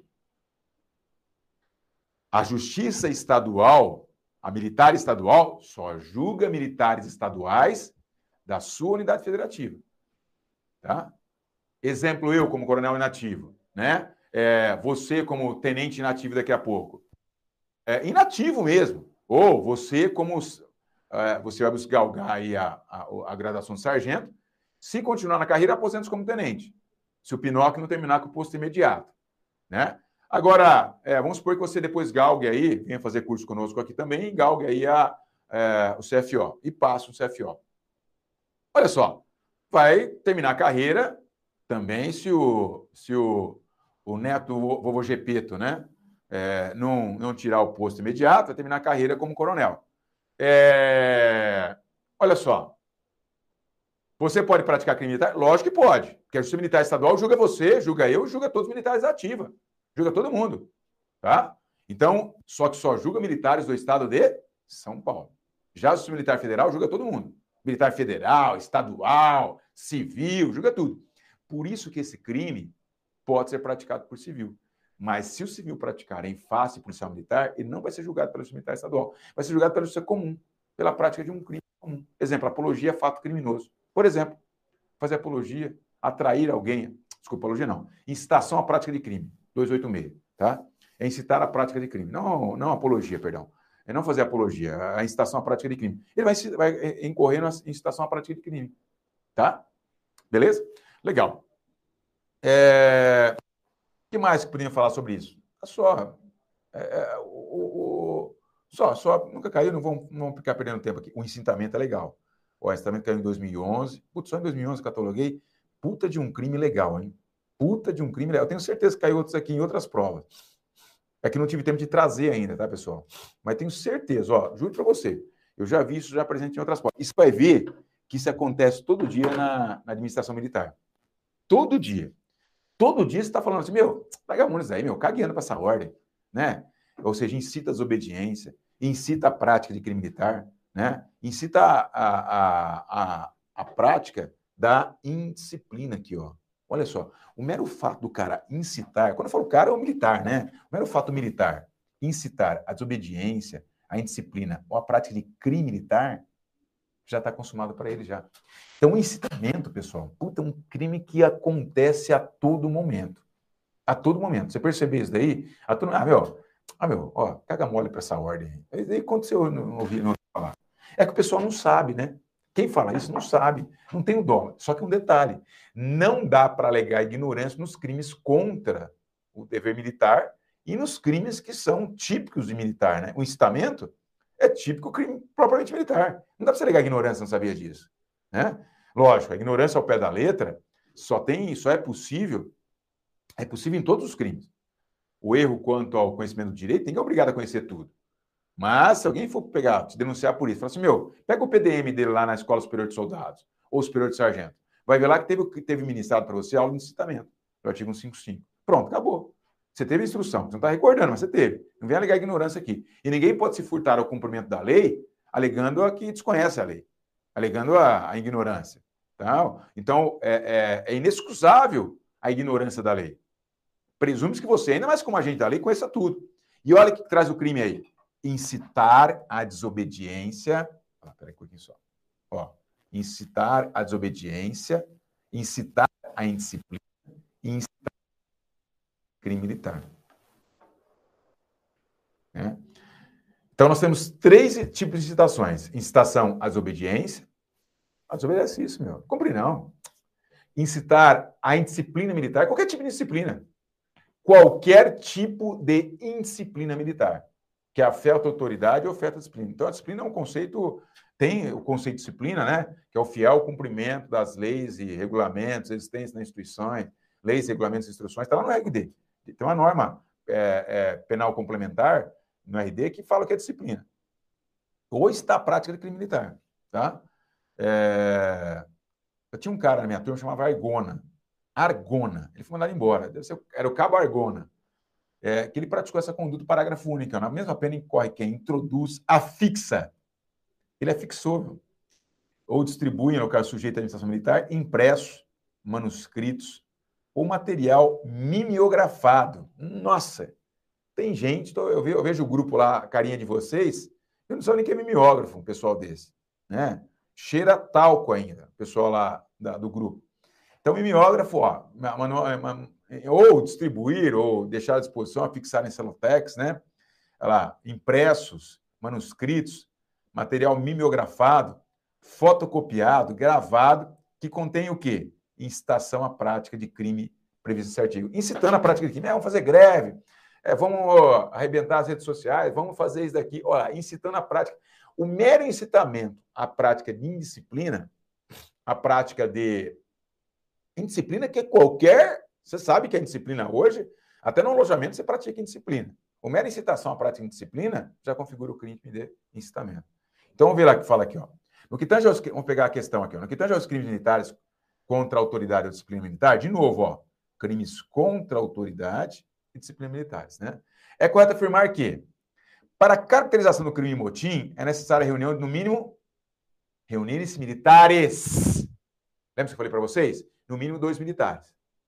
Se dois militares estiverem combinando ali de não cumprir a ordem, de agir contra a ordem recebida, né? de agir é, sem ordem né? e recusando-se a cumprir contagem sem ordem, é, a mera trama dos dois ali já faz com, com, configurar o crime de conspiração.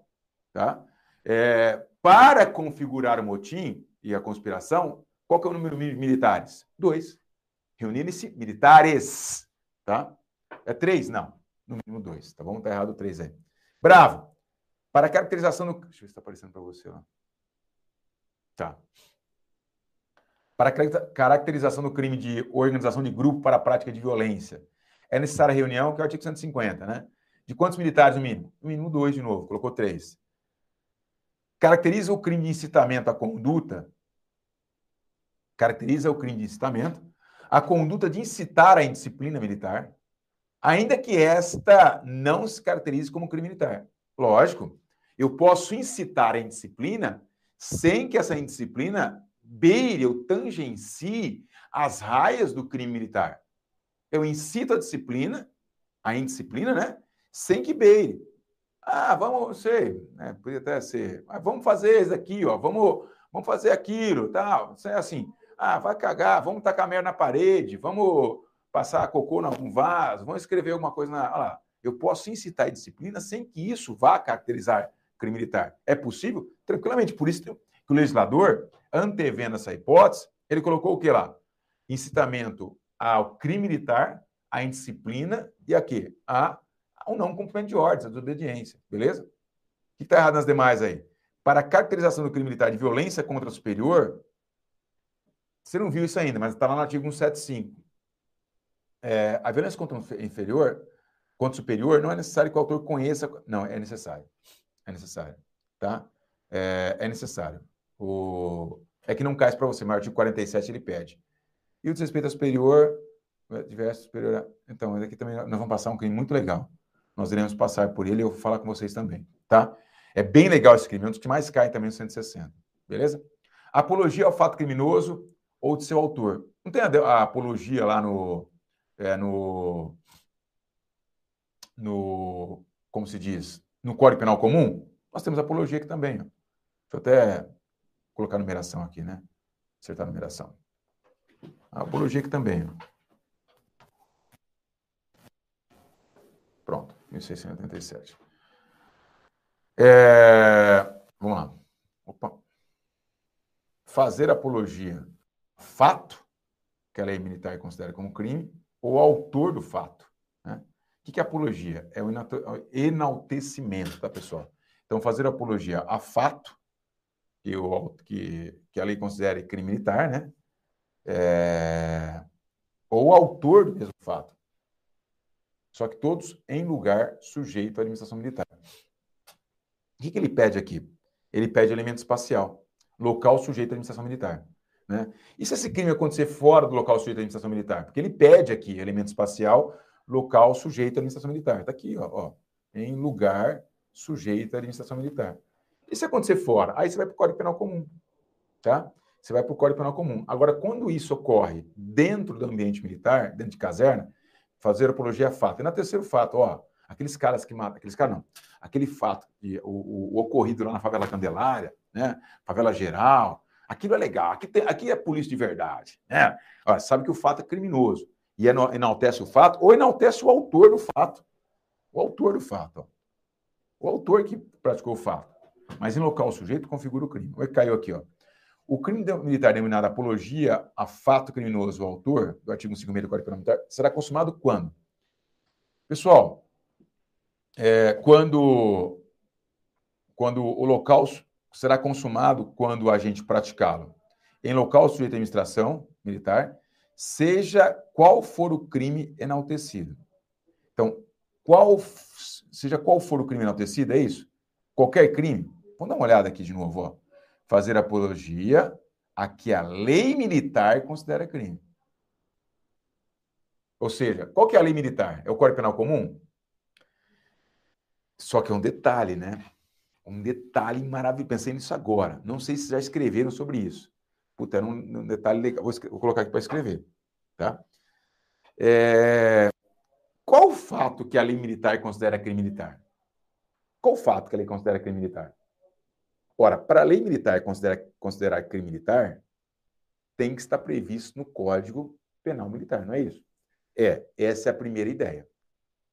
Só que você aprendeu comigo que a Lei 13491 de 2017, lembra a Lei 13491 de 2017, que alterou o artigo 9 do Código Penal Militar, principalmente lá no, na, na cabeça do artigo 9, inciso 2, que ele fala assim, ó, consideram-se crimes militares em tempo de paz os previstos no Código Penal Militar e os da lei penal comum. Os previstos no Código Penal Militar e os da lei penal comum quando praticados naquelas circunstâncias. Então, aqueles crimes da lei penal comum, quando praticados nas circunstâncias do artigo 9, inciso 2, eles serão tidos como crimes militares. Então, a lei penal militar considerou esses crimes militares por extensão. Lembra que eu comentei com vocês? Crimes militares por extensão. Então, o que são crimes militares por extensão? São aqueles introduzidos pela lei 13491-17, tá? Isso já caiu várias vezes. 13491-17, em que passou a considerar como crime militar aqueles previstos na legislação comum quando praticado nas circunstâncias do artigo 9, inciso 2. Passou a considerar militares os crimes previstos na lei comum quando praticados por nas circunstâncias do artigo 9, inciso 2, tá? É... Então, deixa eu anotar isso aqui. Deixa eu anotar esse negócio aqui que eu falei agora. Ficou boa a frase. Então, é, os crimes militares por extensão, se quiser anotar aí também, tá? São aqueles que, pela introdução da Lei 13491-17,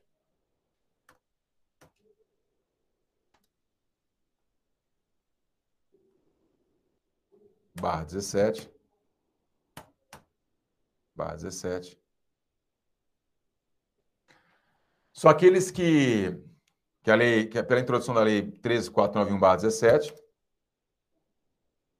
promovendo alteração no artigo 9 do Código Penal Militar, passou a ser considerados militares os previstos, os crimes previstos, né? Então, para quem está anotando, os crimes militares por extensão são aqueles que, pela introdução da lei é, 491, é, a lei 13.491 de 2017, promo que, promovendo a alteração no artigo 9 do Código Penal Militar, passou, do Código Penal Militar, passou a ser considerados como militares os crimes previstos, né, os crimes da lei penal comum, quando praticados nas circunstâncias do artigo 9 do 2 do CPM. Legal, né? Então, de novo, os crimes militares de extensão são aqueles que, pela introdução da lei 13.491, 13, 2017, é, que promovendo a alteração que promovendo a alteração no artigo 9 CPM, passou a considerar, passou a considerar militar, militares, os crimes da lei penal comum quando praticados por militar nas circunstâncias do artigo 9 inciso 2 do Código Penal Militar. Puta, ficou legal. Ficou legal. Beleza? Acho que não precisa que repita, não. Você precisa, você volta na aula aí, né? Então, lei 13491 de 2017. Beleza. Legal. É, deixa eu ver se tem mais algum crime aqui de apologia. Não, não tem. Agora, é militar, é violência contra superior ou contra inferior. É, o primeiro, artigo 157, é violência contra superior. O inferior está lá no 75. Tá? Então, vamos estudar a violência contra, contra superior ou militar em serviço. Artigo 157. Vamos lá. O crime, ele é simples, do artigo 157, né? É bem simples mesmo. É praticar violência contra superior. Tá? Existe o conceito superior no Código Penal Militar, existe agora o conceito que eu te dei do que é violência. Então, praticar é, violência contra superior. Nem precisa entrar no conceito superior, tá? É, que todo mundo conhece, superioridade funcional, superioridade hierárquica, ascendência funcional, aí fica mais para o assunto de aquelas normas, normas internas nossas. Mas violência contra superior, praticar violência contra superior. Olha só. O que é violência? Você sabe já, você anotou isso no seu caderno. Violência é qualquer esforço físico empregado pelo agente contra a vítima ou ato que atinja a sua integridade física. Não é isso? É. é empurrão, chute, murro, pontapé, soco, apunhalada, estocada, tudo isso é violência, tá? Se eu pratico violência contra superior, contra militar em serviço, eu estou incorrendo no crime do artigo 157. Só tem o crime, depois eu vou estudar em contraponto, o crime de violência contra inferior. Porque o superior pode praticar violência contra inferior. Aconteceu isso na academia uma certa feita. Aliás, o coronel já morreu, já foi comandante meu e morreu. É, só que não virou inquérito policial militar, né? O, o irmão desse rapaz também morreu. Então, não vou citar o nome dele aqui, mas é certa feita, o tenente, tinha um tenente da turma de 9 e meia que estava na academia, o coronel, ele era major na época, ele falou assim, meu, coloca esse mosquetão colado aqui na saboneteira, tem que ficar o mosquetão colado na saboneteira, né? É, e acabou causando lesão. Por conta disso, ele sofreu uma transferência da academia, esse major, né? É, na verdade, o coronel Turesse na época, né? E... Mas não sofreu, não sofreu, não houve instalação de inquérito, nada, mas é uma forma de violência contra para fins didáticos, né? O coronel Torres foi uma pessoa legalista, foi coronel Fu depois, né? O tenente lá que também, gente boa pra caramba, que ele ficou ofendido, não tem integridade física, conheço ele também, contemporâneo de academia, né? É, mas, olha lá, houve, vamos supor que, analisar com os olhos mais rígidos aí, houve aí uma afetação à integridade física da pessoa. Houve uma afetação na integridade física dela, né? Então, da pessoa não, do inferior hierárquico. Então é crime do artigo 175. Nós veremos daqui a pouquinho. Mas praticar violência contra superior. Tá?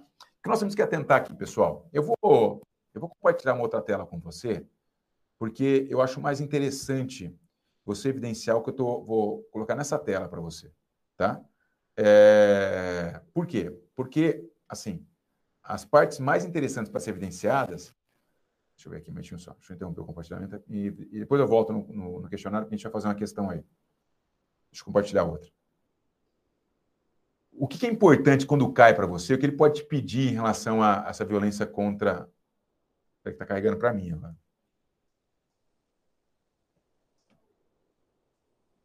Vamos ver se carrega para você.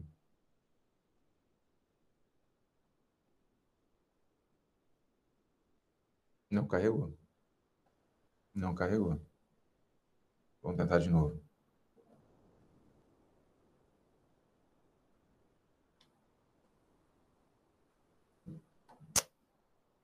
Caramba. Parar a apresentação. Tentar carregar de novo aqui, não subiu. Vamos ver se vai agora. Vai, agora vai. Então, assim, ó, o que é importante para, assim, que eu fico preocupado com relação a você para esse tipo de, é, de, de, abordagem nesse crime. Praticar violência contra superior. Ó, aqui é violência contra superior. Violência sabe o que é já. Legal. Detenção de três meses a dois anos. Formas qualificadas, pessoal, tá? Formas qualificadas. Quando o que você vai entender para o seu concurso? Que não vai te pedir fora um, te, um preciosismo maior. Ele não vai te pedir isso, tá? Pelo menos nunca pediu, não vai pedir agora. E não tem pedido em outros concursos também. Você entenda a qualificadora como é, sinônimo de majoração de pena. Não é correto falar isso. Porque os mais puros, aí, os mais puristas em termos de direito, vão saber o que eu estou falando. Mas você não precisa tá, ter esse nível de, de lapidação para entender o que eu vou falar. Quando ele fala em forma qualificada, leia aí, ó, há uma causa de aumento de pena, há uma, uma exasperação, há um aumento da pena para o cara que está praticando uma violência contra o superior da, de forma diferenciada. Exemplo, empregando arma, oficial é, oficial é comandante do, da unidade, oficial é oficial general, estava é, em serviço. Então, assim, algumas coisas fazem aumentar a pena. É isso que eu quero que você saiba. Tá? Então, vamos lá. Ó. É, formas qualificadas. Se o superior é comandante da unidade que pertence ao gente, ou oficial general. Se a violência é praticada com arma, faz aumentar a pena também. Então, comandante da unidade, oficial general, é praticada com arma, resta lesão corporal. Se dá violência restar lesão corporal, exemplo, o inferior empurra o superior, ele desequilibra, cai, bate a boca no chão e lesiona-se. Também exaspera a pena. Se dá violência, resulta a morte. A morte aqui, até coloquei, ó, foi pré-terdolosa. O que é um crime pré-terdoloso? É aquilo em que há dolo na ação de praticar violência e culpa no resultado agravador, a morte gerada, tá? Então, se o crime é pré-doloso também tem uma forma é, de exasperação, qualificação da pena. E a última lá, ó, aumento da sexta parte se o cara tá é de serviço. Então, o que, que eu quero que você guarde em síntese aí? Porque eu estou lendo com você todas as passagens que fazem majorar a pena ou exasperá-la.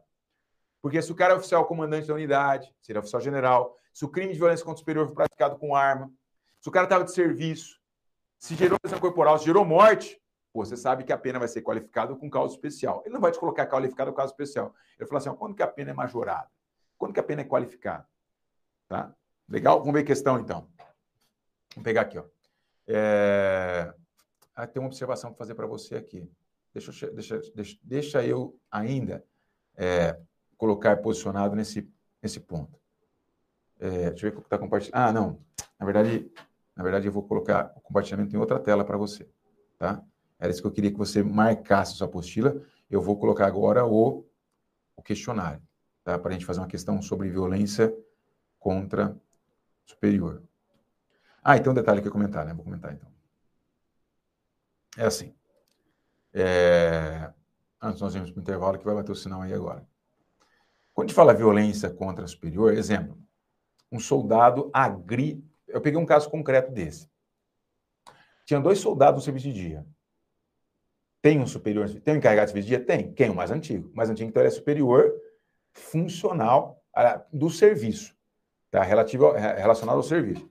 Então, o, mais antigo fala assim: ô, ô, ô, polícia, sobe lá na administração, leva esse documento. E o polícia começou a mascar bridão, começou a refugar. Sabe aquele cavalo velho? Ah, ah, ah, tá, começou a refugar. E aí o cara falou assim, meu, ele falou comandante de companhia, falou, ó, eu tô, tô na coordenação lá no, no, no, serviço de dia, faz muito tempo, né, comandante? Eu sei como é que faz rotina, só que o soldado lá, sendo soldado também, não quer receber ordem minha. Eu sou mais antigo, mas não quer receber. Aí o comandante chamou o cara e falou, meu, atende as ordens do cara, o cara é mais antigo, encarregado, ele é superior seu enquanto tiver de serviço. Tá? Então tem que atender a ordem. Se você praticar uma violência contra ele, Isso vai ser violência contra o superior. É como um. Aí, voltando ao exemplo. Você é aluno oficial, você é aluno sargento, você é aluno soldado na escola de formação. O, o aluno sargento tiver de serviço no dia, ele é superior hierárquico seu. Aí nem que você seja primeiro colocado de turma, ele une, o último, ele é superior hierárquico seu. Beleza? Tranquilo? Legal.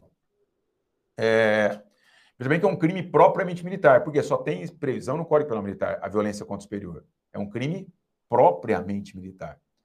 É, não vai cair isso para você, mas é necessário que se conheça a condição superior do outro, né? ser superior ou não. É, senão, existe uma passagem no artigo 47 do Código Penal Militar que, se ele desconhecer a condição, aí só responde pelo resultado só. Por exemplo, lesão corporal e coisas do tipo, né? Mas, mas há, há essa necessidade, tá bom? Então, vamos fazer uma questão para nós irmos para o intervalo. Aliás, vamos voltar no intervalo, a gente faz a questão. Bateu agora o sinal? Senão some o café lá, acaba tudo. Ó, caiu em 2016 uma prova é, do CH. Eu acabei de falar para você, hein? Caiu para a prova do CH que a gente ia falar, tá bom? Então, vou deixar na tela aqui. Quando nós voltarmos, faremos essa questão, tá bom? Obrigado, fiquem com Deus, até daqui a pouco. Vamos tomar um café lá, merecido.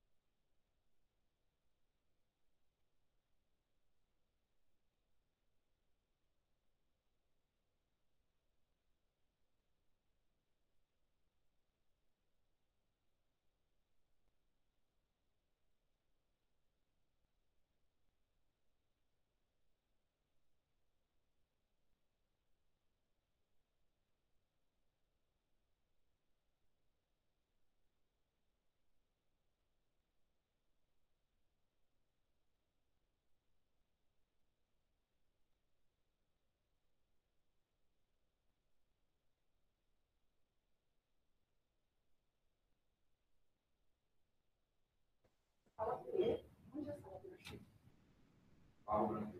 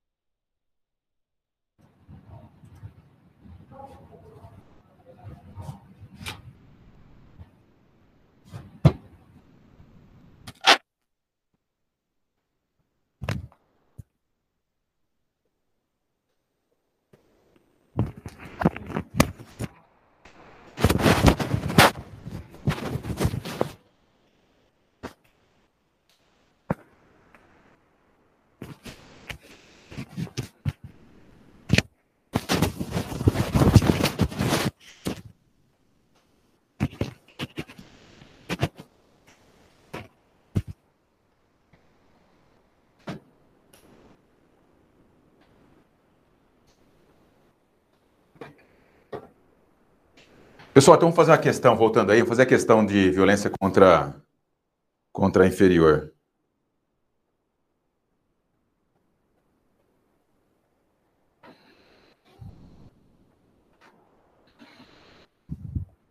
Eu, eu vou, eu não vou ficar olhando no celular, não, tá olhando por causa do grupo de vocês. Eu vou deixar ele por aqui, tá? É...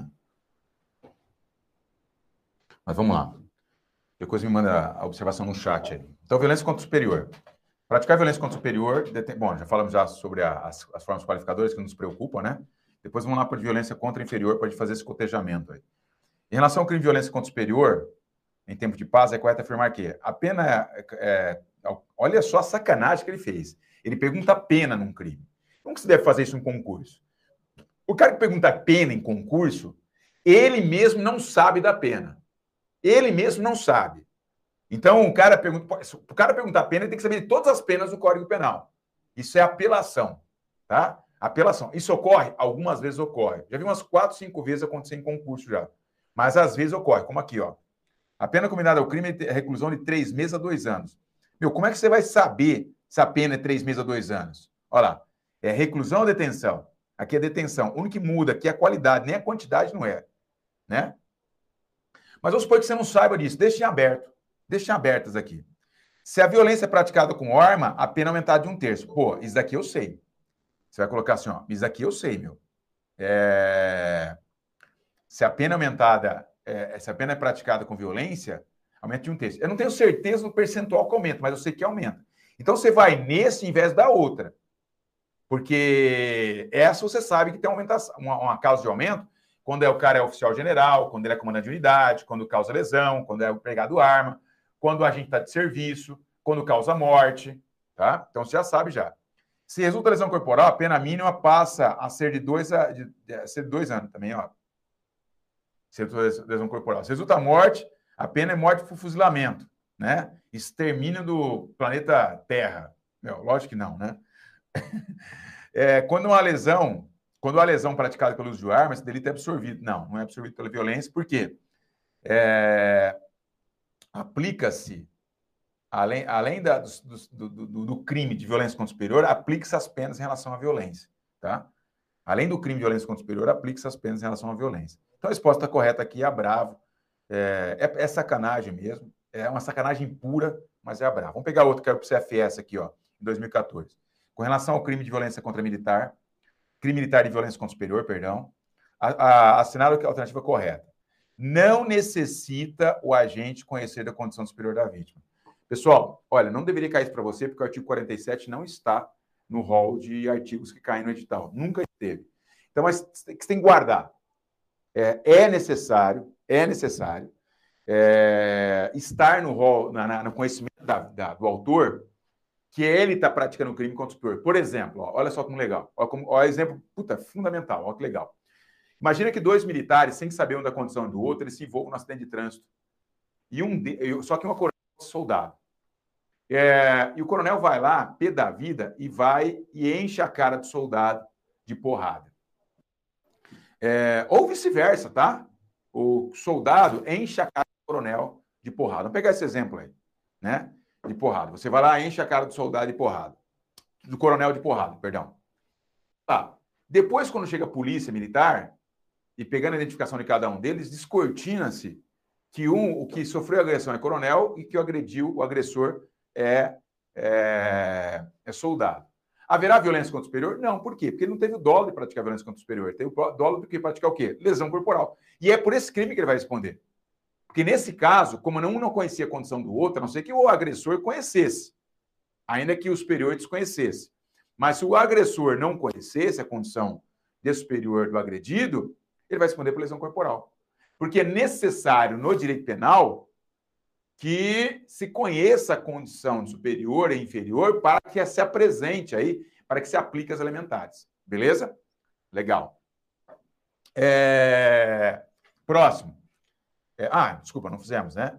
Bravo. Se a violência resulta lesão corporal, aplica-se, além da pena da violência, a do crime contra a pessoa. Sim além da pena de violência contra o superior, aquela do crime contra a pessoa, como eu falei para você. Se restar homicídio, vai praticar o crime, vai responder pelo crime de violência contra o superior mais homicídio, né? É... Não, não vai. Perdão, para. Vai responder violência contra o superior, mas é, na forma qualificada lá no crime pré-doloso. Se resultar lesão corporal, olha só aqui, ó. Olha aqui, ó. Lesão corporal. Cadê a lesão corporal? Vamos procurar aqui. Se é comandante, se é praticado como editado praticado com pena. Se a violência resulta em lesão corporal, olha só, aplica-se além da pena de violência a do crime contra a pessoa, que nós tínhamos falado. Praticou violência contra o superior, empurrou o superior, ele caiu, bateu a boca na calçada. Né? Sabe que o cara é superior, sabe. Porque se não souber, vai responder só por lesão só. Mas sabe, vai responder pelo crime do artigo 157, violência contra o superior, e mais ainda a violência gerada no superior. Ou seja, qual violência? a ofensa à integridade física do superior, tá? Vai responder pelo crime do artigo 209 lá, é, do Código Penal Militar, tá? É, então, voltando aqui, por que está certa? Porque se a violência é praticada com... Ou não, não, desculpa. Por que está errada essa? Se a violência é praticada resulta lesão corporal, a pena mínima passa a ser dois anos. Aqui não dá para saber. Se dá violência... Perdão, não estamos nessa, pô. Não estamos nessa. Ô, presta atenção, cara. Opa, desculpa. Olha lá. É, não necessita a gente conhecer a condição da vítima. Necessita sim. Dois, o bravo. Se da violência resulta lesão corporal, aplica-se, além da pena da violência, a do crime contra a pessoa. Sim, é o que está expresso lá no parágrafo, lá em cima, no parágrafo terceiro do artigo 157, tá bom? Por que está errada a, a linha, a, a alternativa Charlie? Se a violência é praticada com arma, o crime será considerado como hediondo.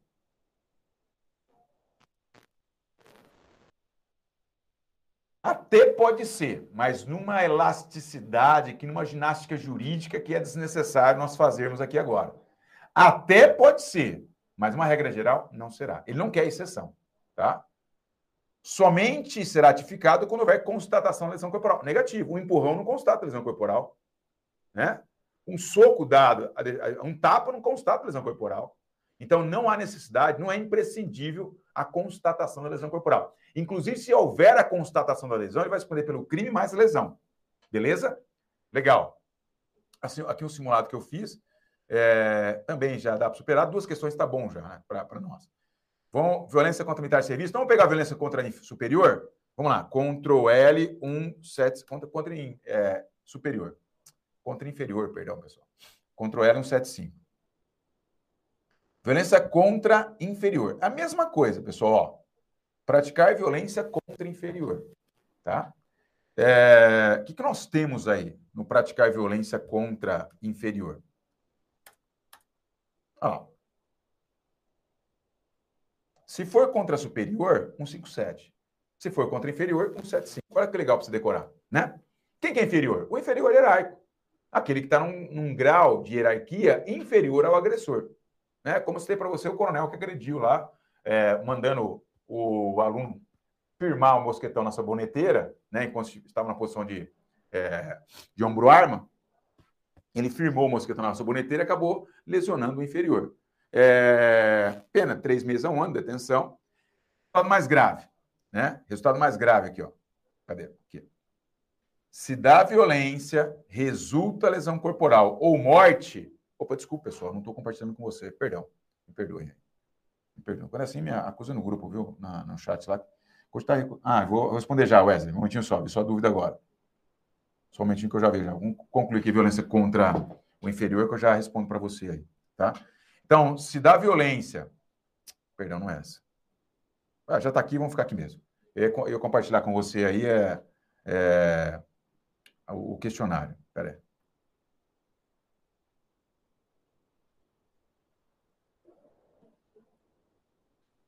Praticar, ó, praticar violência contra inferior, porque é um 5-7 violência contra superior, né? Se dá violência resulta lesão corporal ou morte, também será aplicado crime contra a pessoa. Aquilo que nós tínhamos falado anteriormente, tá? É, dá violência contra inferior, resultou lesão corporal, aplica o crime, a pena do crime 175, mais a lesão corporal provocada. Se dá violência resulta morte, opa, é crime de violência contra superior na forma pré-terdolosa, que inclusive ele cita aí no artigo 159. Não vai cair para você, mas é violência contra inferior, pré-terdolosa, né? Pelo resultado culposo da morte. Beleza? Tranquilos. É... que mais sobre isso? Deixa eu compartilhar uma questão com vocês aqui. Deixa eu interromper o compartilhamento aqui e compartilhar outro, outro arquivo. Vamos lá. Voltando. Mais uma. Aqui. Chegamos. Deixa eu autorizar o Gabriel a entrar. É... Observações serem feitas aí com relação a isso. É... Deixa eu ver aqui. O negócio bate pronto, né? Nada, nada, nós falamos tudo. Guarde as aquelas causas aspiradoras da pena lá da violência contra superior, do artigo 157. E guarda em relação ao inferior, se dá violência, resultar lesão corporal ou morte, também responderá pelo resultado aí. Vamos ver a dúvida do Wesley aqui para a gente otimizar. É, a dúvida dele, do Wesley. Cogitar a recusa, cogitar a recusa de obediência à ordem superior será crime de conspiração? E nada além pelo fato de ter se concluído ou pela preparação já era considerado? Minha dúvida é o crime é de conspirar ou recusa de fato? Pensando em ter crimes. Eu, eu, eu sinceramente entendi a pergunta aqui, Wesley. Então, vou tentar novamente. Ó. Cogitar a recusa de obediência à ordem superior. Então, a recusa de obediência, ele é um crime do artigo 163. Eu não estou falando, não sei se está mencionando relativo a ele, aquele crime de subordinação. É... Cogitar, porque a recusa de obediência, eu vou explicar isso para você lá que eu não falei ainda. Ele é um motim individual. Se é um motim individual, não tem o crime de conspiração, tá? É, mas é um pouco complexa a pergunta sua. Não, para os demais, para você talvez esteja entendendo.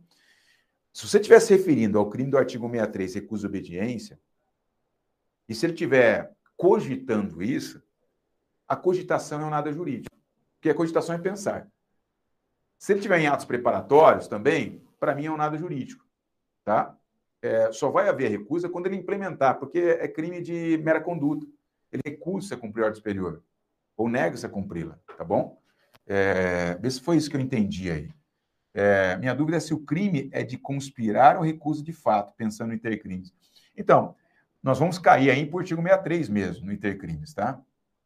É, ah, é QSL, é, é até consumado, nada consta. Tá, beleza, então. É, você entendeu, né? Deixa eu ver outra pergunta. Existe uma previsão do uso de força quando em cumprimento de missão? É, não existe? Existe uma previsão de uso de força quando em cumprimento de missão? Não existe? Existe. Existe a possibilidade. É, o próprio o regulamento disciplinar prevê isso, né, de São Paulo, e o próprio o estado de necessidade, é, estado de necessidade exculpante específico do comandante. Talvez você tenha feito o curso de, do CH, ou seja um, assim, um interessado pelo direito, você tem no artigo 42, parágrafo único do Código Penal Militar, essa, esse, essa possibilidade de você impelir o subordinado a cumprir a ordem mediante força. Existe essa possibilidade. Nesse caso, ficará afastada por exclusão de licitude a, a violência contra inferior. Excelente pergunta. Maravilhosa. Aliás, você deve escrever um artigo sobre isso. Maravilhoso esse artigo. Se você, quando você concluir a, a graduação, vocês vão pedir para escrever um artigo sobre isso. Escreve sobre isso daí. Se você quiser que eu seja orientador, eu, eu me coloco à disposição para você, para a gente conversar sobre isso daí. Muito boa observação. Não sei se é relacionado a isso. É dentro daquela pergunta sua lá. É, cadê? Sumiu aqui. É, Existe a previsão do uso da força contra o cumprimento de missão? Não existe? Existe. Existe sim no regulamento disciplinar e existe no 42, parágrafo único. É, em situação de. Peraí. Em situação de inércia frente ao perigo, algo do tipo. É isso mesmo. Ele se nega a cumprir, ele é um covarde, né? Então, para estimulá-lo a cumprir, para vencê-lo da desobediência, do, da cobardia, para vencê-lo, posso usar de violência a, a compeli-lo a cumprir a ordem. Isso é causa que exclui a ilicitude, nem crime haverá. Tá? Beleza? Legal, não sei se foi isso aí, deixa eu ver se. TKS, TKS. É isso aí mesmo, então. É isso aí mesmo. É compilar mais uma. É isso aí mesmo. Pode, pode ser feito sim. Tem até uns exemplos, quando eu dou essa aula, eu dou uns exemplos bem legais. Mas aqui fica um pouquinho mais pesado para quem não está assistindo, até porque não cai. Mas se quiser depois trocar uma ideia, eu converso com você sobre isso aí. Beleza? Maravilha. É... Excelente pergunta, viu, Wesley? Boa. Boa Se eu tivesse no Cefap, eu nomear você como adjunto meu lá, viu, cara? Já, pode ter certeza. Pelas indagações suas aí, já estou gostando já. É, mas vamos lá. Continuando aqui. Deixa eu ver onde nós paramos lá. Ah, tem vários, tem vários, vários crimes aqui, é, várias questões relacionadas a, essa, essa, esses crimes, viu, pessoal? Várias questões. Ver se a gente pega alguma aqui. Deixa eu ver se o copo está aberto para você lá. Está aqui também. Deixa eu. É... 175. Um, vamos fazer um. um já estamos já no ambiente do artigo é, 175. Vamos fazer sobre ele, né? É, cadê aqui, ó? Violência contra inferior. Vamos pegar aqui. Olha fazer uma questão aqui, ó. Analisa as assertivas abaixo e assinar a alternativa correta. Recusar obedecer ordem superior sobre assunto ou matéria de serviço, ou relativamente a dever imposto em lei, regulamento de instrução, caracteriza o crime de desrespeito a superior. Putz, esse crime é maravilhoso. Eu tenho certeza que vai cair esse crime. Não, é, como você não tem no caderno isso, eu não coloquei isso para você, na verdade eu uso essas questões para simulado, eu uso para, né, é, para a gente... Eu estou abrindo uma sessão aqui treinar também em sala de aula, é, até para ilustrar melhor, mas quando a, o, o, o, aluno, eu vou dar esse exemplo lá na frente, mas quando o militar nega-se a cumprir ordem superior sozinho, isso é uma afronta à disciplina, isso é uma quebra flagrante da hierarquia disciplina, isso é recusa à obediência, isso é crime de insubordinação. É aquele crime que o Wesley estava perguntando, o artigo 63 tá bom? Então não é desrespeito ao superior. Eu posso até cotejar esses dois crimes aí, vou para a lousa e cotejo com vocês para comparar um com o outro. Me lembrem disso aí que eu faço isso, tá? Eu vou cotejar o desrespeito ao superior com o desacato ao superior. Mas pode ser também que você fala assim, pô, e a subordinação? E a recusa de cumprimento de ordem superior? Posso cotejá-los também, tá bom? Mas aqui não é. Aqui vai configurar o quê? Recusa de obediência nessa hipótese. Então vamos ler de novo aí, ó recusar obedecer ordem superior sobre assunto ou matéria de serviço, ou relativamente a dever imposto em lei, regulamento ou instrução. Caracteriza crime de respeito ao superior? Não, caracteriza não o crime do artigo 60, caracteriza o crime do artigo 63, tá? Que é o crime de subordinação. Eu vou explicar isso lá na frente para vocês. O crime de desrespeito ao superior exige que a conduta seja praticada diante de outra pessoa, seja ela militar ou civil? Não. Eu vou falar isso com vocês também, tá vendo? Sempre cai. Segunda vez que cai um 6 a 0 aí já. É, o crime de desrespeito ao superior, ele exige que o desrespeito seja praticado diante de outro militar, tá? Diante de outro militar.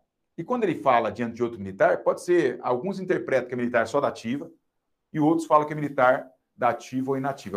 E a corrente mais ampliativa. Né? Logicamente, hoje, defendendo o policial, eu falo que é a corrente menos ampliativa. Mas se eu fosse escrever do, do assunto, eu escreveria que ela seria a corrente mais ampliativa, ou seja, qualquer militar. O cara é militar, inativo ou da ativa, desde que seja reserva remunerado ou não, ele é militar. Né?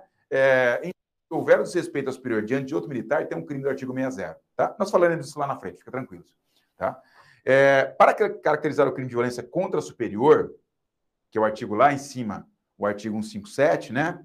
Deve necessariamente haver lesão corporal? De novo, a mesma presente, a mesma pergunta. Não, não precisa necessariamente caracterizar a lesão corporal.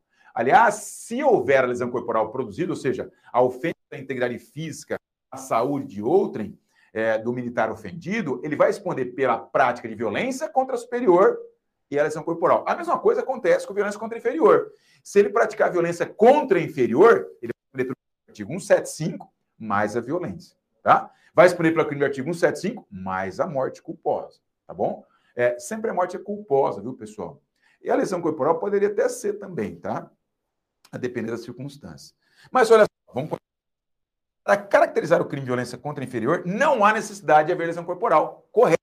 Até porque, se houver, ele vai responder pela, pelo crime de violência contra inferior e lesão corporal. Responder pelo crime de violência contra inferior e o homicídio pela qual é, ele praticou. Tá? Legal. Maravilha. Vamos pegar lá o artigo 157 lá em cima? Vamos voltar lá em cima, então. Vamos voltar lá, a gente faz uma questão sobre o artigo 157. É, cadê aqui? O professor já foi feito já uma questão. Eu não lembro, só para você ter ideia. Só para assim, quebrar um pouco a rotina. Terça-feira eu dei aula aqui. À noite peguei o ônibus fazer uma audiência. Quarta-feira. É... Não, terça não. Quarta-feira. É, quarta-feira eu ministrei aula aqui. À noite eu peguei o ônibus, fui para Franca fazer uma audiência de um CJ, lá de um capitão, lá em Franca. Ontem eu estava lá em Franca, fiquei o dia todo.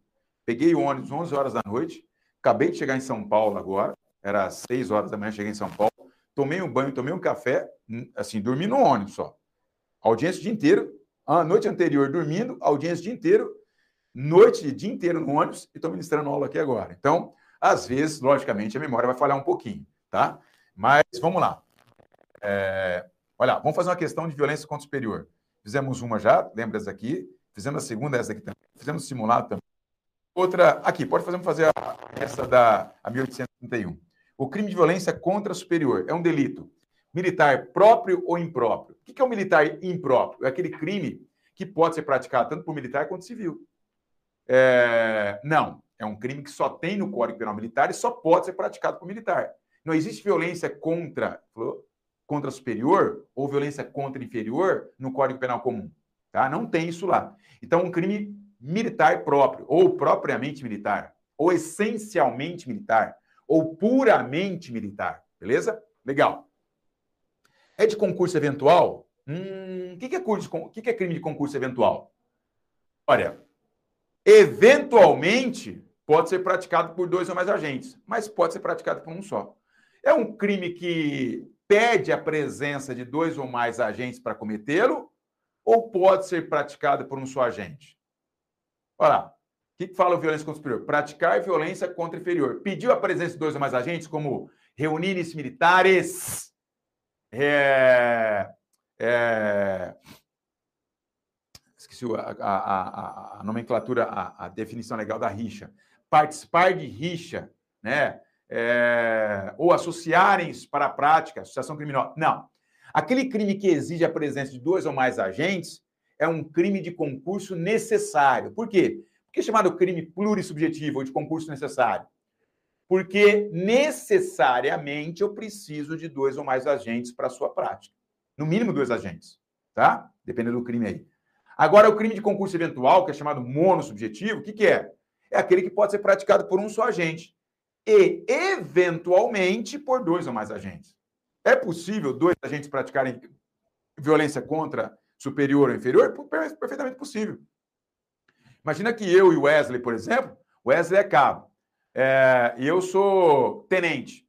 Nós partamos para praticar violência contra um soldado. É possível em concurso de agentes. Então, eventualmente, é possível, mas ele pode ser praticado por um só agente. Então, crime de concurso eventual é aquele que pode ser praticado por um só agente, chamado monossubjetivo. Eventualmente, por isso de concurso eventual, eventualmente pode ser praticado por dois ou mais agentes, tá bem? Então é crime de concurso eventual. É formal por quê? Porque, olha lá, praticar violência contra superior, né?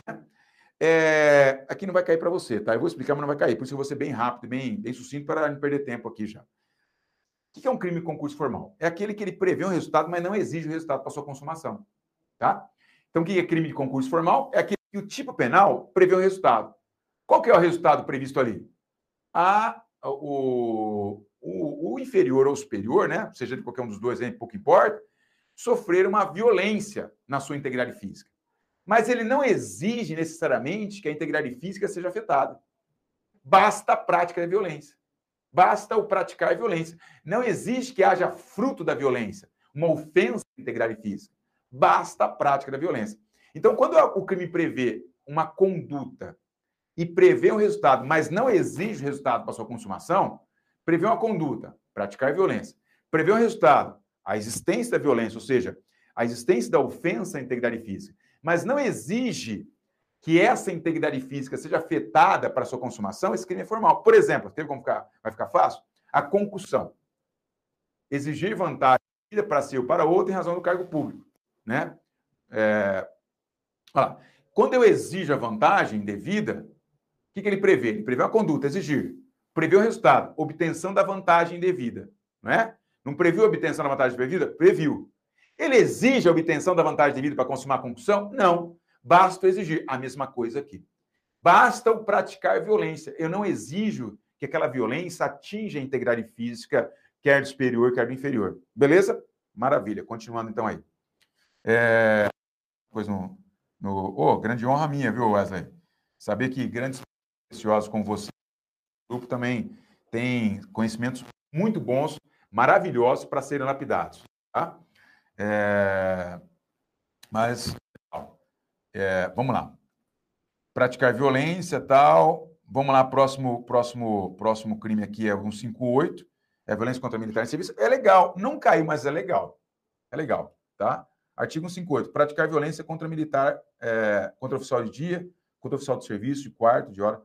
Pessoal, aqui, assim, tem, tem, tem previsão acadêmica, né? Previsão assim, é, o que é a violência contra policial em serviço, ou militar em serviço, né? É, fala lá, ó. vamos pegar a definição legal, um tinha só. Praticar violência contra oficial de dia, contra oficial de serviço, contra é, militar de serviço, de quarto de hora, sentinela, vigia, plantão. Você percebe que ele não está colocando praticar ou militar violência contra, é qualquer pessoa. Então é um crime comum, é um crime militar impróprio ou impropriamente militar. Pode ser praticado por qualquer pessoa. Por quê? Porque não exige a condição de militar é, obrigatoriamente o sujeito ativo, tá? É, formas qualificadas. Se a violência é praticada com arma, a pena é aumentada de um terço. Se resulta lesão corporal, a pena é, eu aplico aqui a plena violência. E no parágrafo terceiro, oh, perdão, não estou marcando para você. Então, se a pena é praticada com arma, perdão, se a violência é praticada com arma, aumenta a pena de um terço. Você precisa, sinceramente, aquela pergunta que aumenta percentual não se preocupe em decorar isso daí, porque se cair, é ponto fora da curva. Não adianta você perder tempo com isso. Não adianta perder tempo com isso. Se você tiver memória, várias gavetinhas lá dentro do seu cérebro, você guardar, às vezes você guarda, mas se não tiver, não é a hora de você guardar, não era você ficar decorando. Eu não decoro, para você ter ideia. Aqueles mais comuns eu decoro. Eu não decoro pena, não decoro causa. Ah, alguns causamentos tem que decorar, né? Mas por quê? Porque não é para não é boa, da boa técnica pedir isso da examinação, tá? Não é da boa técnica examinar pedindo percentuais de aumento, pedindo penas. Meu, isso daí mostra que o examinador, com perdão na palavra, ele não quer examinar. Ele quer fazer o que é mais fácil para ele. É o Horácio, é o mão cansada castrense, tá bom? Então, mas tem que guardar o seguinte, ó. Se for empregado arma, se resultar lesão corporal, se resultar morte, tem exasperação aí, tá? tem exasperação nessa situação. Aqui a ausência do dolo está descolada aqui. Então. Está descolada aqui. É... Mas aqui, a, aqui é o militar em serviço, né? É, desde o oficial até o, o policial de serviço tal. Né? Se o cara parte para militar das Forças Armadas, por exemplo, estando de serviço, pratica lesão corporal nele, crime aqui, além das penas da violência. Então, é, é para proteger aquele a, a, a, prestígio da função, prestígio do cargo, é, militar, né? É, por isso que se qualifica aí como, como crime, né? Essa, essa, essa, esse, essa prática de violência é, contra militares civis nunca foi exigida para concurso, você vê que não tem nenhuma questão catalogada aqui por nós, né? Então, mas é uma, uma a existência de um crime que, que, que, que, é bom saber que existe, que pode cair no próximo concurso, por exemplo, eu, porque eu gosto desse crime aqui. Né? E acontece, talvez venha acontecer, talvez não tenha julgado sobre isso, mas. Aliás, tenha julgado. Talvez não tenha questões sobre isso, mas julgados tem de monte, pode ter certeza disso. Tá? O artigo 159, pessoal, que é a ausência do dolo no resultado, se você quiser colocar aí, é, no artigo 159, é o crime pré-terdoloso. Nunca caiu para você, caiu uma vez para o CH só, numa alternativa só. Então, não vou, vou a passos largos também em relação a isso. Vamos para aquilo que interessa, principalmente um, um, um, crime que é muito legal e que cai para caramba. Você vai ver que tem muitas questões sobre ele. Talvez não com a alternativa correta, porque eu qualifico aqui as, as, os crimes para colocar, por exemplo, no artigo 60, ó, tem uma, duas, três, quatro, olha o tanto aí, né? É, e eu não trouxe ainda pela alternativa correta ter dado, sido dado como artigo 60. Mas acontece muito desrespeito ao superior. Muito. Quer no WhatsApp, quer pessoalmente. Tem vários casos que eu vou citar. É que eu vou citar aqui agora, porque. Mas apenas uns dois ou três eu cito para você. Então, isso incide muito. Quando acontece muito na prática, incide muito em concurso, tá bom? É, vamos pegar o crime do artigo 60 e agora eu vou para a lousa também. Não só agora, né? Daqui a pouquinho eu vou para a lousa é, para confrontar com o artigo 298, que é o crime de desacato superior. Nós temos desrespeito ao superior e o desacato superior. Então, o que fala aí, ó? Desrespeitar superior diante de outro militar, pessoal. Desrespeitar superior diante de outro militar. Vamos colocar, vamos colocar topograficamente onde está esse crime? Ele está nos crimes de desrespeito ao superior, de símbolo nacional e de farda. Daqui a pouco você vai ver o vilipêndio à farda, né? É, vilipendiar o uniforme, vilipêndio uniforme. Ao símbolo nacional. Quais são os símbolos nacional, né? Bahia, né? Bandeira, armas, o hino, é... o brasão, né, por alguns disso também, nós vamos falar sobre isso também, né? É... e desrespeito ao superior. Então, desrespeito ao superior, desrespeito a símbolo nacional, que está na Constituição, no artigo 13 lá, e desrespeito à farda. Tá bom? Legal. É... vamos começar por desrespeito ao superior. O que, é o desrespeitar? desrespeitar, né? Você vai dar risada, tenho certeza disso. Desrespeitar, coloca aí, é faltar com a educação é falta de educação com o superior. Pode colocar isso. É falta de educação com o superior. Como assim falta de educação? O cara ele é, ele é sem educação. O superior está falando, ele fala assim, é... né? Ah, você quer continência? Então, ó, uma saraivada de continência. Leva algumas para casa aí, usa no horário de folga, né? Uma, uma rajada de continência. O superior passa e vai. Faz sinal para o superior, dando, dando é, faz sinal, sinais sonoros é, atribuídos ao superior, faz caricatura, prega um rabo no superior nas costas, né? que mais? É... O superior está falando, ele, né? Como se fosse sorvete na testa. O superior estende a mão e ele se nega a estender a mão. que mais? É que mais? É, é... Estou lembrando, estou dando risada aqui. Em, em síntese, é isso. Tá? Em síntese. E acontece, pessoal. A gente dá risada aí, mas acontece, viu? É... Mas o desrespeito ao superior, principalmente. Agora, então, o que é o desrespeitar? É isso, né? Essa série de condutas aí. Então, é o superior estender e ele não estender em reciprocidade é, colocar na testa, é, né, é, colar papel no superior, fazer caricatura com espírito de desrespeitar, não aquele é, o ânimo jocande, né, que a gente fala, o ânimo de brincadeira, mas o espírito de, de injuriar de desrespeitar mesmo. Só que tudo isso, prestem atenção, tudo isso tem que ser praticado na presença de outro militar. É o que fala aqui, ó. Olha lá. Olha lá, pegar. Desrespeitar superior diante de outro militar. E superior é aquilo que eu falei para vocês. Pode ser dois soldados no serviço de dia, aquele que é encarregado por ser mais antigo é superior hierárquico, tá? Ele, ele é, é tido como superior. Desrespeitar diante, diante do militar, diante de outro militar, é crime. Ou, por exemplo, WhatsApp. Num grupo de WhatsApp. Ah, esse, esse sargento aí veio do bombeiro, pensa agora que tem três bolas escrotais, vai dar ordem para as. Isso aí, dele lá, né? Então, é, olha lá, isso é desrespeito ao superior. É, vai tomar no seu cu, vou embora, seu cuzão, xingar, os, isso é desrespeito ao superior. É, ah, tem vários, hein, pessoal? Isso acontece, ó, vou falar para você. A polícia militar, ela é implacável, implacável nesse tipo de delito. Não só na seara é, administrativa disciplinar, como também na seara penal. A justiça militar estadual, ela é implacável, ela é imperdoável. Sabe aquela frase, enverga, mas não quebra? Então, não quebra mesmo. Não tem exceção. O cara fez isso, pode preparar a sua trouxa, que você vai dar, ó, a última continência para ir embora. Vai. Vai só esperar os dias passar. Então, assim, eu até aconselho, a não ser que seja uma coisa assim, bem absurda, fora do comum, mal entendido, tá? Mas tem que tomar cuidado, tá? Tem que tomar cuidado com esse tipo de postura. Por quê? Porque o militarismo é muito severo nesse aspecto, principalmente é, aqui nessa unidade bandeirante. Não sei, não, não falo para as demais, mas a justiça militar e a corporação, ela é bem severa em relação a isso. Ah, e vamos terminar o crime, eu vou confrontá-lo com, com o artigo 298, tá? Então, ó, desrespeita é, outro, outro, então tem que desrespeitar superior e tem que ser diante de outro militar. E se não tiver diante de outro militar, aí é outro crime.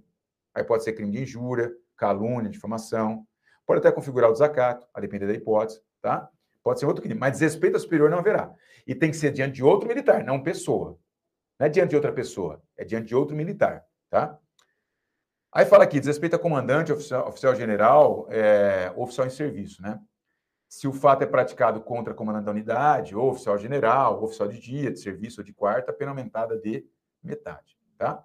É, é, anotem aí, antes da gente confrontar na lousa. Coloca aí, ó. É crime propriamente militar. Por quê? Só tem presença no Código Penal Militar e só pode ser praticado por militar. Desrespeitar militar diante, desrespeitar superior. Quem pode desrespeitar superior? Só o militar, o inferior hierárquico. Só o inferior hierárquico. Ou seja, tem que ser militar para praticar esse crime de desrespeito ao superior, tá? É...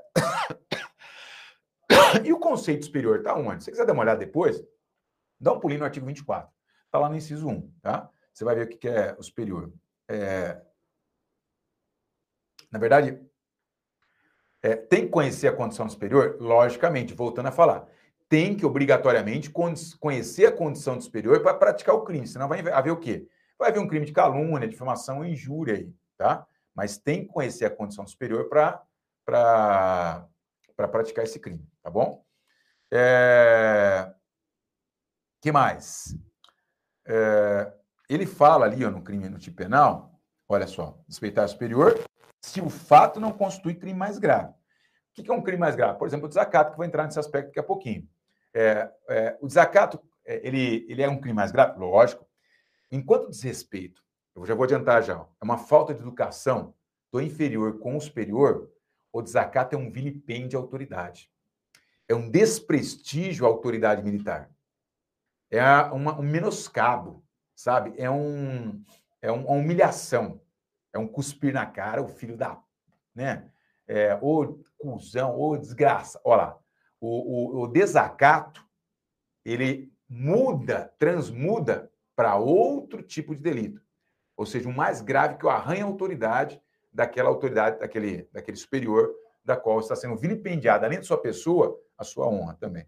Então, se o crime não constitui, é, se o fato não constitui crime mais grave, você pode colocar aí, ó, delito subsidiário. Ou seja, o desrespeito ao superior é um delito subsidiário. Por quê? Porque se configurar crime mais grave, vamos valer daquele crime mais grave é, e não vou adotar o desrespeito superior. Ou seja, me vale, por exemplo, é, vou pegar um exemplo de zakat, fica mais fácil, tá bom? Fica muito mais fácil aí. É, vamos lá. O que mais aqui? Peraí, tem uma travadinha aqui no Word agora. Uma travadinha aqui. Hum... Ah, voltou. Voltou. É... Ah, mas assim, ó, o que, que nós podemos colocar? Vamos colocar aqui na lousa? Não precisa nem descompartilhar. Vamos descompartilhar, vai. Você tem o compartilhamento, mas bem, bem sucinto aqui para você, tá? É assim, ó. Nós temos uma diferença, e os dois caem para você, tá? Eu tenho diferença de desrespeito a superior, não tem crase porque é palavra masculina, né? Desrespeito a superior e desacato a superior. O desrespeito está no artigo 60 do Código Penal Militar. Né? O desacato está no artigo 298 do Código Penal Militar. O desrespeito, pessoal, você pode colocar isso, pessoal. Olha, é uma falta de educação. Falta. É, fica mais compreensível para você. Falta de educação. Ou dar uma saraivada de continência, é, o, o, sorvete na testa, o de... Ah, dá as costas para o superior e já vai falando sozinho né? Das costas superiores estão falando sozinho, falta educação. Falta educação. Ao passo que desacato, há uma humilhação. Há um, há um quê? Há um menosprezo. Menosprezo. Menoscabo. Tá? É, a humilhação, menosprezo, menoscabo é, nesse fato é, há, um, há, uma afetação, há um arranhamento, há um vilipêndio, posso colocar aqui, ó, há um vilipêndio à autoridade militar. Eu vou exibir o, o desacato para você na, na tela, tá? A gente faz exercício aí, eu já, já exibo o desacato para você. É... Ah, e um detalhe importante. Olha lá, principalmente esse. Vamos colocar aqui em azul. Olha lá em azul. Exige a presença de outro militar.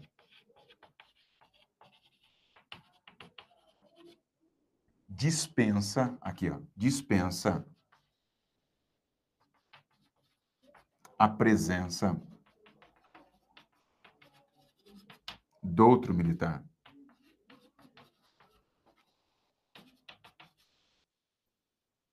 Beleza? Legal. Maravilha. Fechamos a, a, diferenciação aqui de forma bem sucinta, bem tranquila, né? Bem, bem sossegada. Mas essa é a diferença. Vamos pegar o desacato? Acabei não falando, né? Podia ter falado antes, acabou não falando. Então, assim, ó, é, eu costumo dizer, né? Até eu não coloquei aqui, ó, falta educação, é um desdém. Vamos colocar um desdém? Coloca assim, desdém. Você, você leu a questão, o cara desdenhou? Olha lá, um desdém. Não, né? Não. Faltam. Faltam 45 minutos ainda. É... Nossa, como o tempo passou rápido hoje, meu. Caramba, não é. Mas assim, vamos lá. Vamos lá pegar uma questão aqui. Vamos pegar o desrespeito ao superior. Tá? Ah, o desacato, perdão. Vou pegar o 298 antes. 298. Vamos lá. 298. 298. Olha lá. Tá vendo como caiu? Caiu para cá do ano passado. Caiu para cá. Desacatar superior. Olha o crime aqui, ó. Ah, não está compartilhado. Perdão. Perdão. Só um momento. Ó.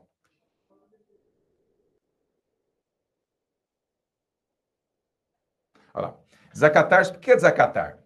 É o mesmo, é a mesma significado, o mesmo significado, ou a mesma significação que nós temos no artigo 331 do Código Penal. O que é desacatar lá pelo 331 do Código Penal? Né, que eu, eu passei com vocês, passei.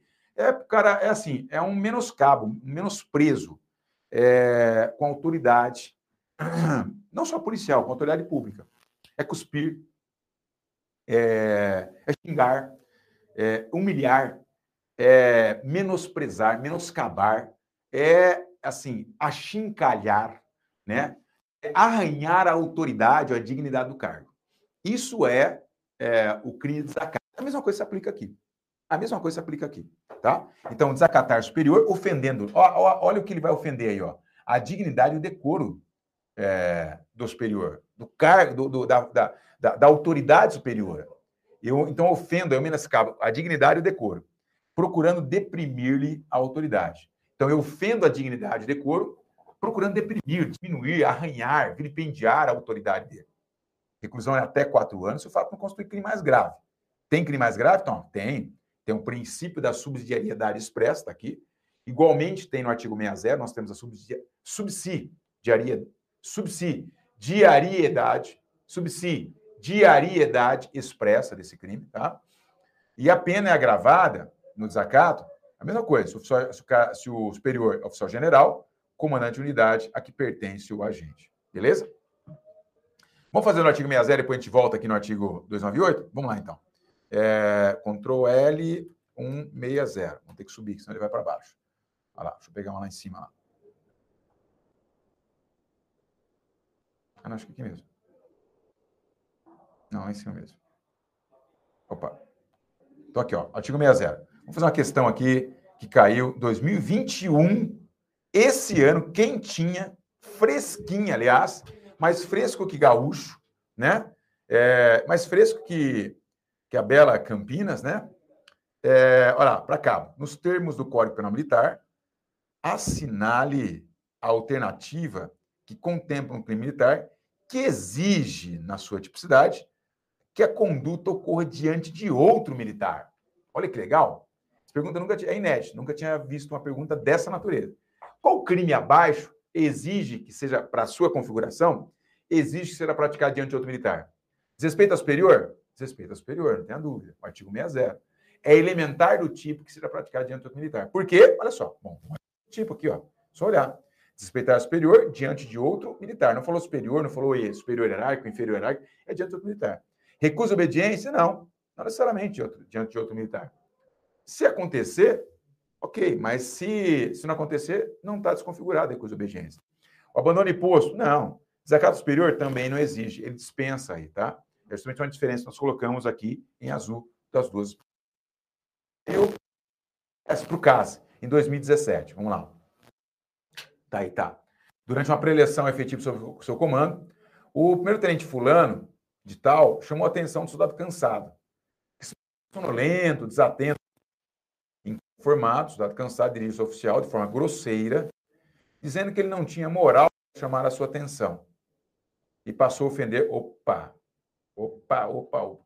Ofender com palavras de baixo calão, na presença dos demais policiais que participavam da preleção. Ofensa com palavras de baixo calão. Eu não tenho dúvida, o gabarito deu essa. Está errado o gabarito. É desacato superior.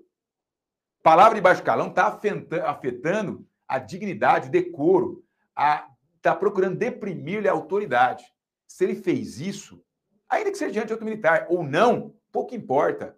Isso ofende de forma pungente, não é uma falta de educação, não é um desdém, mas é um desrespeito, um desacato, melhor, à autoridade. Para mim está errado, não tenha dúvida.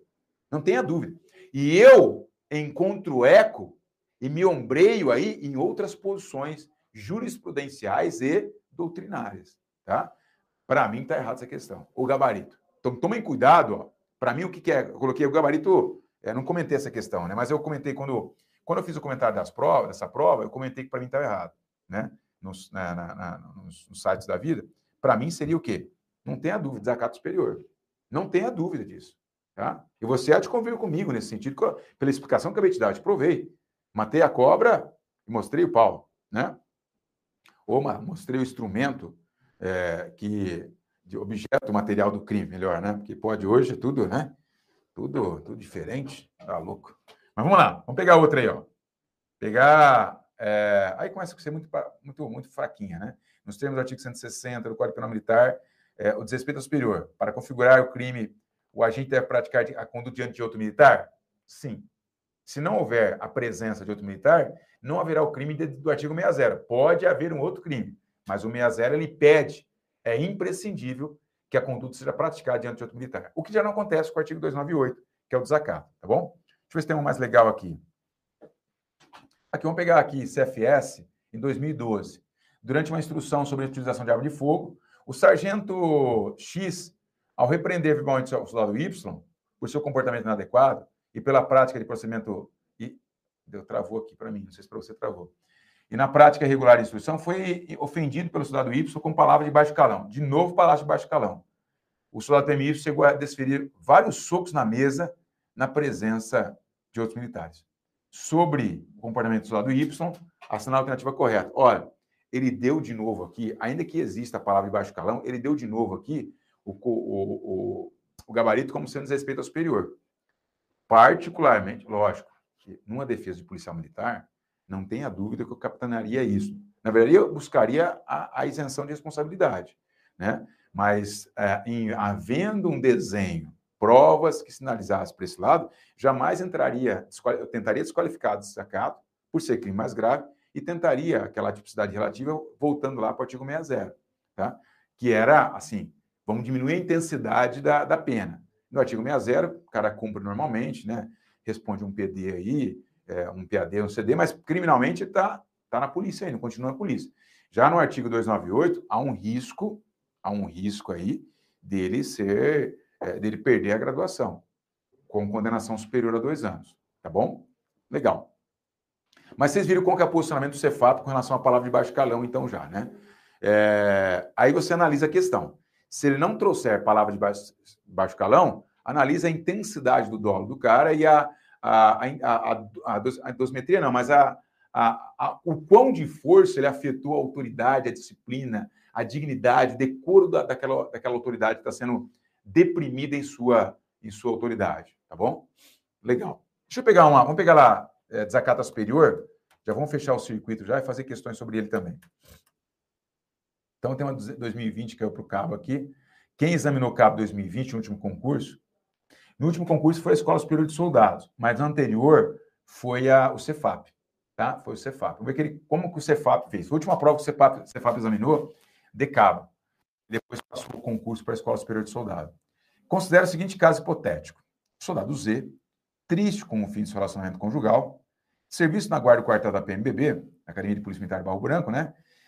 Geriu uma garrafa de cachaça e, após assumir o turno de serviço, deitou sobre o chão na garita, onde se deitou sobre o chão da garita, né? onde se encontrava escalado, afrouxando o cinto, tirando as botas e dormindo profundamente. Considerando que nessa situação foi, foi surpreendido pelo capitão X da Escola de Oficiais, que visitava a PMBB acompanhando, acompanhado do aluno Alfa, e que, ao despertar do sono profundo, ofende o oficial, chamando-o de oficialzinho chato. Diante do exposto, é correto afirmar que ele praticou qual crime? Desrespeito ao superior, que não está aqui, ó. Subordinação, artigo 63, né? É, não cometeu qualquer crime? Ou crime previsto na legislação comum? Qual o crime que ele praticou? Meu, aqui é muito nítido, né? Muito mais, que pergunta dada. Se ele quisesse complicar, ele colocaria é, é, desrespeito ao superior. Que aí sim, aí sim, poderia surgir uma, um espectro de dúvida ali em cima disso. Tá? Mas, meu, é indubitável, praticou desacato superior. Precisa estar diante da presença do outro militar? Não. O desacato superior, do artigo 298, não precisa estar diante de outro militar. Por quê? Porque é simples, é só olhar o tipo penal. Desacatar superior, ofendendo a dignidade do decoro, ou procurando diminuir ou deprimir-lhe né, é, a autoridade. Acabou. É só isso, só. Mais nada. Tá bom? Legal? É, vamos ver se tem outro crime aqui, tem outra questão. Tem para cabo é, em 2018. Assinar a alternativa correta diz respeito aos crimes militares em tempo de paz. Para a tipificação de crime de violência contra o superior, há necessidade de violência. Há necessidade, pessoal? Não, acabamos de ver, né? Você viu como exercitando o primeiro de questões é muito fácil, tá? Depois faça as questões que nós mandamos naquele, naquele banco complementar, tá bom? Muitas delas não estão lá, tá? Então, fazem parte do meu livro, assim, às às vezes eu coloco lá, logicamente. Mas muitas delas não estão. É, então, não há necessidade para configurar o crime de violência contra o superior que seja gerada necessariamente a violência. Tá? A prática de crime de desacato ao superior pratica o crime de desacato ao superior o soldado da Polícia Militar, da ativa, que dentro da sala de um tenente da instituição ofende-lhe a dignidade, ainda que não se encontre mais ninguém no local. Isso daqui me fez lembrar uma passagem. Eu posso falar aqui as meninas me, me perdoem aí a literalidade da expressão, tá? mas eu quero ser o mais é, é, real possível, tá? Chegou para mim um processo, certa feita, em que eu é, estava atuando nesse processo, né? Em que o, a tenente, ela terminou a preleção na sala de aula e constava o seguinte fato da, da, da, da acusação. A tenente terminou a preleção e falou assim, ó, vocês estão todos dispensados. Acho que eu citei esse fato para vocês já quando eu falei de ação penal, tá? É, e vocês vão lembrar o porquê. Só que a tenente pegava no pé de um soldado que era meio folgado. É tipo aquele soldado folgado da questão anterior. E a tenente falou assim: ó, falando Beltrano de Ciclano, folgado, é, não tá nem aí, e dorminhoco, sonolento, vai para tal lugar. E aí o, o, ela, de novo, chamou a atenção desse cara. Aí o cara, aí quando ela dispensou, mandou o pessoal assumir a viatura, que aconteceu? O cara fez corpo mole e demorou para assumir a viatura. Mas intencionalmente já. E o que ele fez? Quando só estava ele e a tenente na sala de aula, ele chegou lá e falou assim: Ó, vai tomar no seu cu, viu, tenente cuzona do caralho. Para de pegar meu pé, senão foder sua vida. Desse jeito. A tenente falou assim: meu cara louco, meu. Desse jeito, sério. Não, inacreditável. Meu, vai tomar no seu cu, ô cuzona. Você para de pegar meu pé, senão foder sua vida. Ele falou assim: meu, tá louco, cara, tá louco. Ele falou: você tá preso. Ah, preso? Não tem ninguém presenciando aqui, ó. Então me desarma. Ô, fulano, pode desarmar o fulano aqui, o soldado folgado aqui, ele tá preso. Pô, desarmou. Falei assim, meu, não tem ninguém que prove. Não precisa para configurar o desacata superior e qualquer outro crime, nós vamos estudar isso em processo penal, né? não precisa testemunhas. Não precisa testemunhas. Quem falou, aonde está escrito que depende de testemunhas para que haja o flagrante, para que haja instauração de inquérito policial. A prova testemunhal é mais uma dentre as provas nominadas existentes no Código de Processo Penal. Tenho várias provas. Eu tenho interrogatório, eu tenho imagem, eu tenho documento, eu tenho o, o, o depoimento ofendido, eu tenho, eu tenho a prova testemunhal, eu tenho a cariação, eu tenho reconhecimento fotográfico, reconhecimento pessoal, eu tenho vários meios de prova nominados e inominados existentes no Código de Processo Penal, e militar também. Então, é, é assim, lê do engano desse militar que, que pensou que para a configuração de desacato precisaria estar na presença dos demais. Não, isso é para desrespeito, não para desacato. E acabou perdendo o cargo, foi condenado, né? É, não estava, não, eu não estava nesse processo como defensor, eu estava como presidente do processo, tá? E acabou perdendo o cargo né, né, nessa situação por conta dessas, dessa, desses todos esses comportamentos praticados por ele, tá bom? Então, se você pegar a alternativa B, é justamente é, o que ele pergunta é o que ocorre na prática. Ó. Pratica os crimes da casa superior. O soldado da ativa, que dentro de uma sala, é, de um tenente da instituição ofende a dignidade, ainda que não se encontre mais ninguém pelo local? Sim, não tenha dúvida, tá? Oposição você não estudou ainda? Desrespeito a, a prática de desrespeito, pratica o crime de desrespeito superior, o soldado da Polícia Militar da ativa, que diante de um sargento reformado, é, desrespeita um tenente da instituição, veja bem, ó, respeitar, é, desrespeitar o superior diante de outro militar. O que, que eu falei para você? Toda vez que tiver a palavra militar presente na como elementar do crime, como elemento da definição legal desse crime, como elementar do crime, esse militar quer dizer que é militar da ativa, tá? É assim que o Cefap considerou, você viu? É, no, na prova de cabo, ele considera dessa forma. Beleza, pessoal? Eu acho que nós exaurimos aqui por completo é, esse crime, tanto desrespeito quanto desacato. Vamos partir para o artigo 61 aí? Vamos lá, cadê a, a postura? Vamos buscar lá artigo Ctrl L, artigo 161. Artigo 61.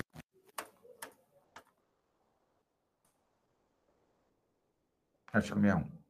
Não, não é aqui não. Não, esse aqui é, da, é Código Penal Comum. Processo Penal. Deixa eu ver se eu coloquei 61 aqui. Respeito superior. Respeito a símbolo nacional. Será que eu estou na apostila certa? respeito a símbolo nacional.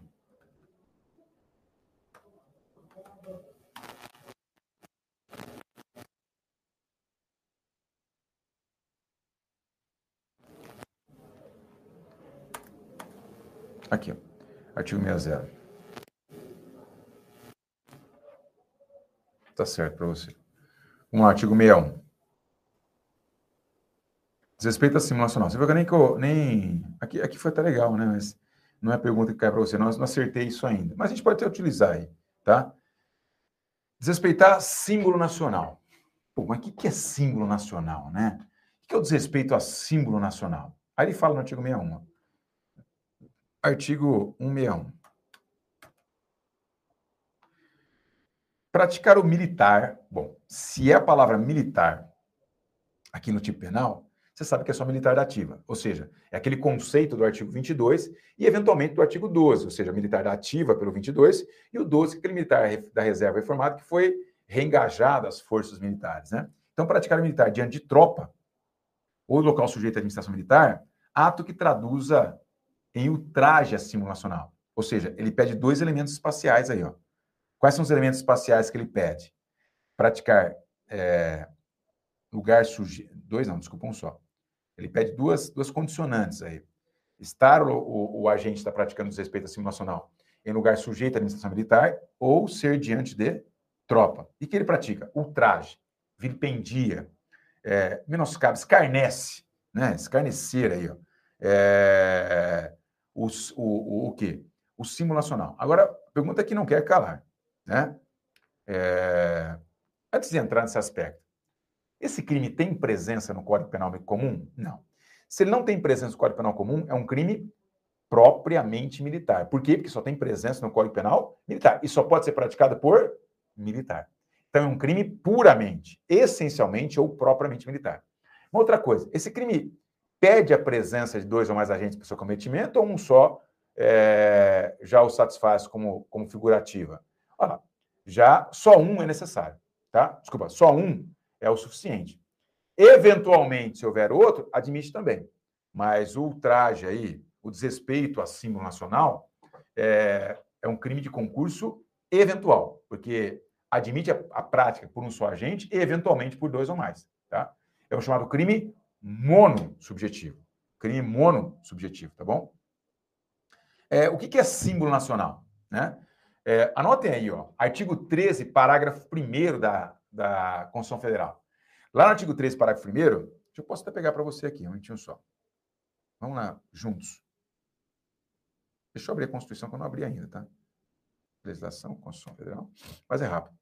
Nada que 30 segundos não resolva. Ctrl F. Símbolo. Símbolo. Olha lá. Ctrl F símbolo. Tá aqui. Artigo 13, parágrafo 1. Deixa eu compartilhar com você. Peraí. Artigo 13, parágrafo 1 é, da Constituição Federal. Olha o que fala aí, ó. Artigo 13, parágrafo 1. São símbolos da República Federativa do Brasil a Bahia.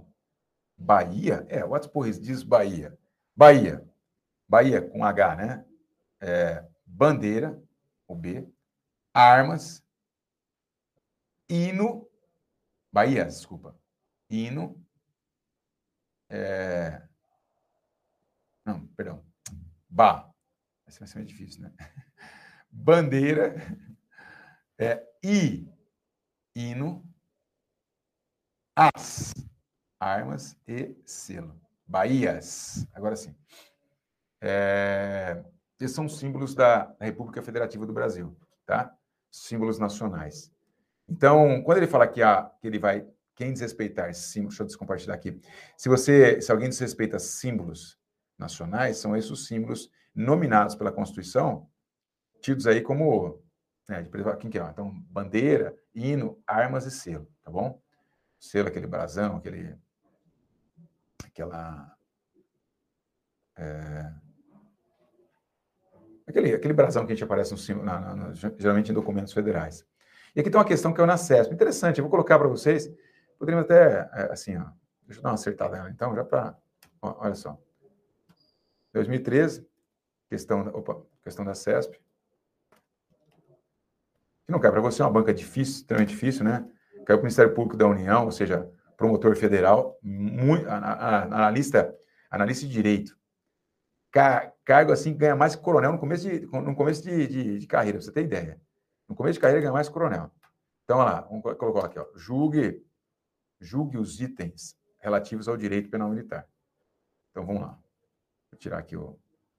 o... Aqui, tá? Vamos ver o que ele quer aqui. Ó. Considere militares do Exército Brasileiro reunidos no alojamento militar. Tenham criado uma coreografia com o som da versão funk, versão funk do hino nacional, que é um símbolo militar. Né? E, e Bahias, bandeira, hino, armas e é, selo. Além de ter filmado a dança e divulgado o vídeo na internet. Além de ter filmado a dança e divulgado o vídeo na internet.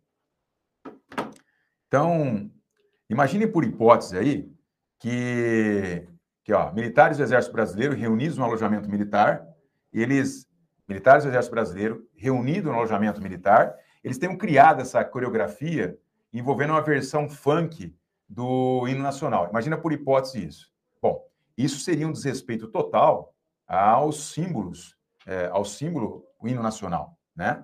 É, além de terem filmado a dança e divulgado o vídeo na internet. Nessa situação, segundo o entendimento do Superior Tribunal Militar, a conduta dos militares não constitui crime de respeito ao símbolo nacional. A conduta dos militares não constitui crime de desrespeito ao símbolo nacional. Não constitui? Lógico constitui, né, pessoal? Ainda mais nós não é, devem ser tratados na esfera disciplinar como brincadeira desrespeitosa. Negativo, né? São os valores máximos da, da, da, da, da República Federativa do Brasil, né? É, então, assim como tais, devem ser preservados, né? Então, está errada a questão. Por quê? Porque não, não só vai ficar no âmbito administrativo disciplinar, também como é, no âmbito castrense, ou seja, penal militar. Tudo bem? Legal? É, de questão que eu tenho aqui catalogada, assim, você pegar outros que eu não trouxe para cá ainda, é, essa é a, é a, a única que eu tenho. Vamos para despojamento desprezível. Aqui já caiu já, não está aqui, ó, mas já caiu também já. Despojamento desprezível.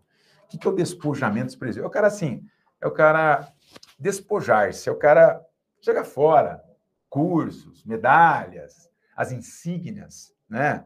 É, há uma discussão aí sobre o, a Laura de mérito pessoal, não vai cair isso no pró, porque há uma discussão acadêmica sobre isso também. Então, ele despojar-se, ele se desvencilhar, se menosprezar, jogar fora. E um detalhe aqui que nós veremos, hein? Você vai ver isso comigo. É, esse despojamento aqui, ele pode ser praticado até por civil. Por exemplo, você sabe que o civil ele pode receber a maior condecoração da Polícia Militar, que é a medalha Tobias, não é isso? É. A medalha Tobias pode ser recebida por um civil. E ele pode incorrer nesse crime de despojamento. Só que ele não vai ser processado pela Justiça Militar, porque a, Justiça Militar Estadual não processa civis. Todavia, se essa medalha for de natureza federal ou militar federal, ou relativa a militares concedidos a civis pela Marinha, Exército Aeronáutica, não tenha dúvida, se houver o despojamento, o civil vai responder. Vamos dar uma olhada no despojamento aí. Despojar-se de uniforme. O que é uniforme? Ó, aquilo que ele enverga no corpo, né? De condecoração, medalhas, né? De condecorações, medalhas. Reconhecidos como insígnias, né? As próprias divisas do é, divisas, estrelas da graduação e do posto patente e distintivo, cursos, por exemplo, distintivos, né? Então, esses são os objetos materiais. Ah, desculpa, não coloquei, estou lendo a lei aqui, não estou marcando para você. Então, despejar-se de uniforme. O que é uniforme? É, é, o traje. É o traje envergado no seu corpo pelo militar, tá? Seja ele estadual ou federal. É a condecoração. Condecoração é a medalha. Medalha do militar, tá? Ah, mais próximo gente. O, o de mérito pessoal se aproximaria um pouquinho da condecoração. É, a jogar as divisas fora, né? jogar as estrelas fora? É. O distintivo, o curso, com menosprezo ou vilipêndio. Menosprezo. Pouca importância. O vilipêndio, de forma asquerosa, de forma, é, sabe, aquela, aquela de forma totalmente desprezível, totalmente, é, é, como se diz, é, repugnante, tá?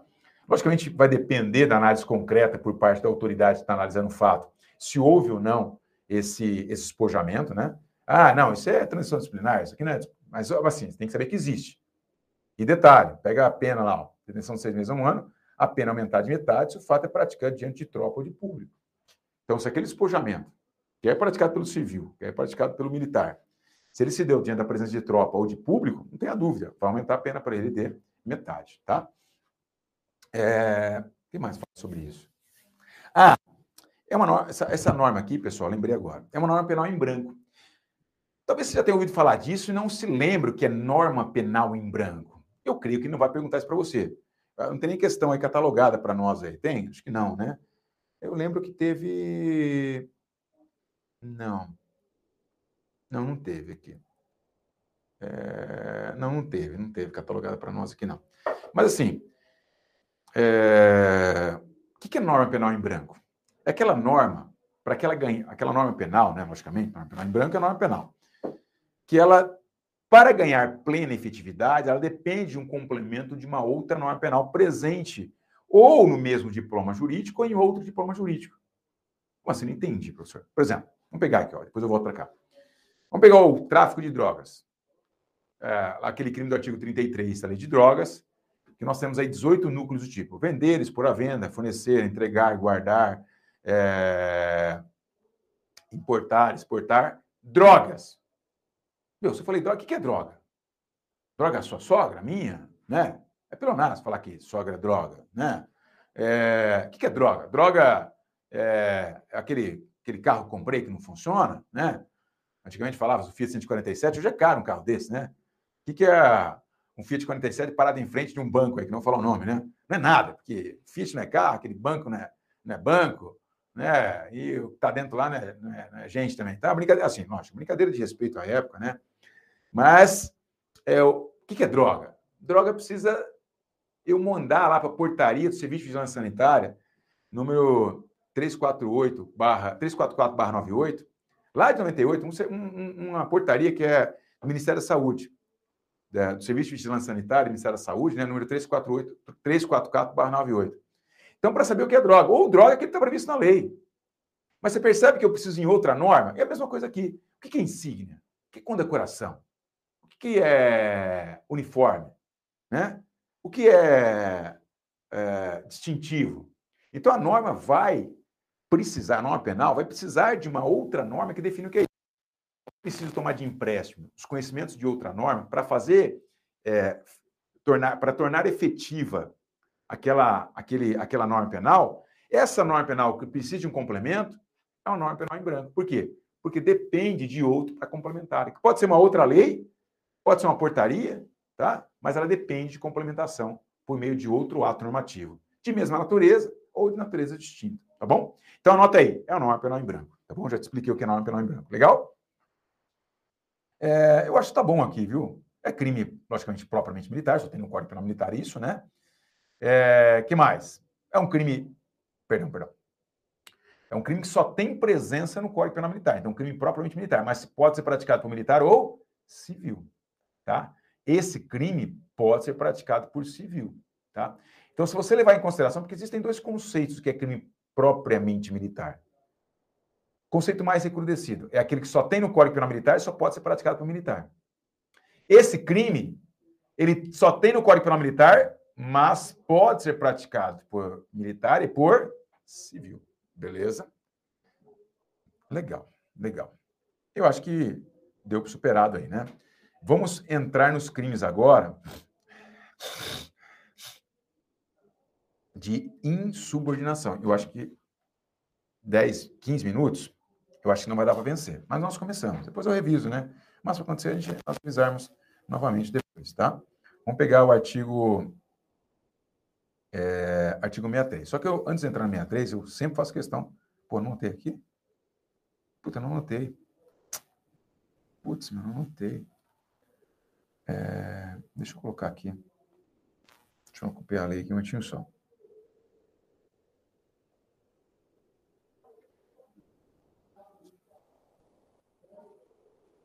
Como é que eu colo aqui? Se eu consigo colar aqui. Colar. Não. Um minutinho só, pessoal. Deixa eu pegar aqui o Código Penal Militar. Cadê? Tá aqui artigo 63, Ctrl F163. Um só. Eu queria. Eu queria que você é, conhecesse. Ah, não, tá certo. Desculpa, perdão. Fale o meu. Tá certinho, velho. Certinho. Eu queria que você conhecesse aonde está inserido esse capítulo de subordinação. Onde está inserido ele? O que o, o, o, ele pertence a qual título, esse capítulo? Lembra-se lá atrás. Ele pertence ao título que protege a autoridade e a disciplina militar. Então, os bens jurídicos protegidos aqui são quem? A autoridade e a disciplina militar. Tá? É... Então, esses são os bens protegidos, contemplados aqui. Tá bom? Então, autoridade e disciplina militar. Bom, toda, então daqui para frente, o que, que é insubordinação? Se alguém te perguntar o que é insubordinação, você não vai falar assim, ah, insubordinação é. Não, insubordinação é como se fala assim, o que é crime contra o patrimônio? Ah, crimes que atingem o patrimônio. O que é insubordinação? São crimes que atingem a autoridade e a disciplina militar, ou seja, uma quebra flagrante de hierarquia e disciplina. É, é pungente, é contundente, é preciso, tá? É, há uma afetação de forma latente na hierarquia e disciplina militares. Beleza? É... Então, assim, mas é como se falar assim, pô, eu tô, o cara praticou crime de subornação. É como é que falar assim, o cara praticou crime contra o patrimônio. Crime contra o patrimônio está do artigo 155 até 180. Eu tenho vários crimes contra o patrimônio. Eu tenho quatro crimes de subornação. Eu tenho a recusa de obediência, eu tenho a publicação crítica e devida, oposição à ordem sentinela no artigo 64, e eu tenho o publicação crítica e devida, a, a reunião ilícita. Né? Tem quatro formas de subordinação. Então, subordinação é o gênero, que comporta quatro espécies. Né?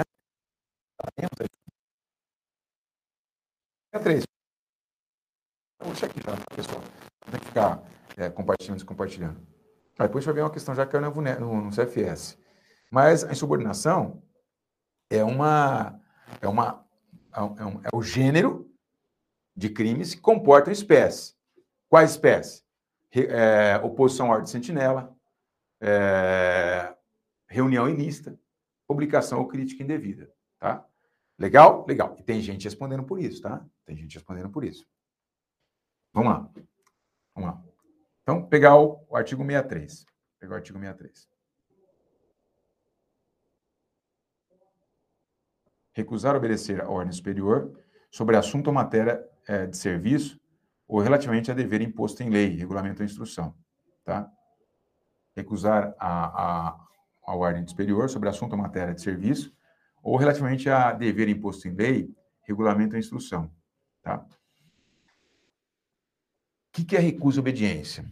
Vamos anotar uma observação? Eu acho que nós vamos ficar só nesse crime, pelo menos, porque é, mais, é o mais complexo. Depois o resto sai tudo na, assim, bem rapidinho, mas é o mais complexo. Coloca aí, entre aspas, é um motim individual é um motim individual. É, você vai entender depois, tá? Você vai entender depois. Do jeito que a recusa à obediência é um motim individual, né? O motim é uma recusa à obediência praticada por dois ou mais militares. Olha que interessante. A mão inversa. A mão inversa aí, a recusa à obediência é um motim individual, porque é um motim eu recuso a, a, a cumprir a ordem, eu atuo contra a ordem recebida, eu, é, mesmo sem ordem, eu me nego a cumprir aquela que me foi dada. Então, eu tenho uma, olha, uma quebra flagrante, pode notar isso. Na recusa de obediência, há uma quebra flagrante de hierarquia e disciplina. Vamos colocar esses conceitos para depois eu dar o caso prático e nós amoldarmos esse caso prático a esses elementos que fazem parte, que são importantes para nós. Então, recusa obediência, é, é, recusa obediência é um motim individual, ao passo, entre aspas, entre parênteses, né, que o motim é uma recusa obediência coletiva, tá? É uma afronta, a uma quebra flagrante de hierarquia e disciplina, tá? Por quê? Olha só que fala aí, ó. Porque os, o, o, o agente recusa a obedecer ordem de superior. Quem pratica esse crime? É o inferior hierárquico. É só o inferior hierárquico. Tá? Ele recusa-se a, a, assim, a, a, receber a ordem é, do superior relativa a quê? A assunto ou matéria de serviço, ou relativamente a dever imposto em lei, regulamento ou instrução. Tá? Imposto em lei, regulamento ou instrução. Beleza? É... que mais? Que mais? É... Exemplo, vai. Peguei um caso concreto desse. Peguei um caso concreto desse. Veio para minha mão o seguinte processo, que eu atuei nele. Terceira CIA do nono batalhão. Sargento prelecionando a tropa. Sargento chega para o soldado e fala assim: ó, o soldado, você, soldado A e o soldado B, vocês vão compor a base comunitária. Vou inventar uma base aqui na Voluntários da Pátria com o engenheiro Caetano Alves.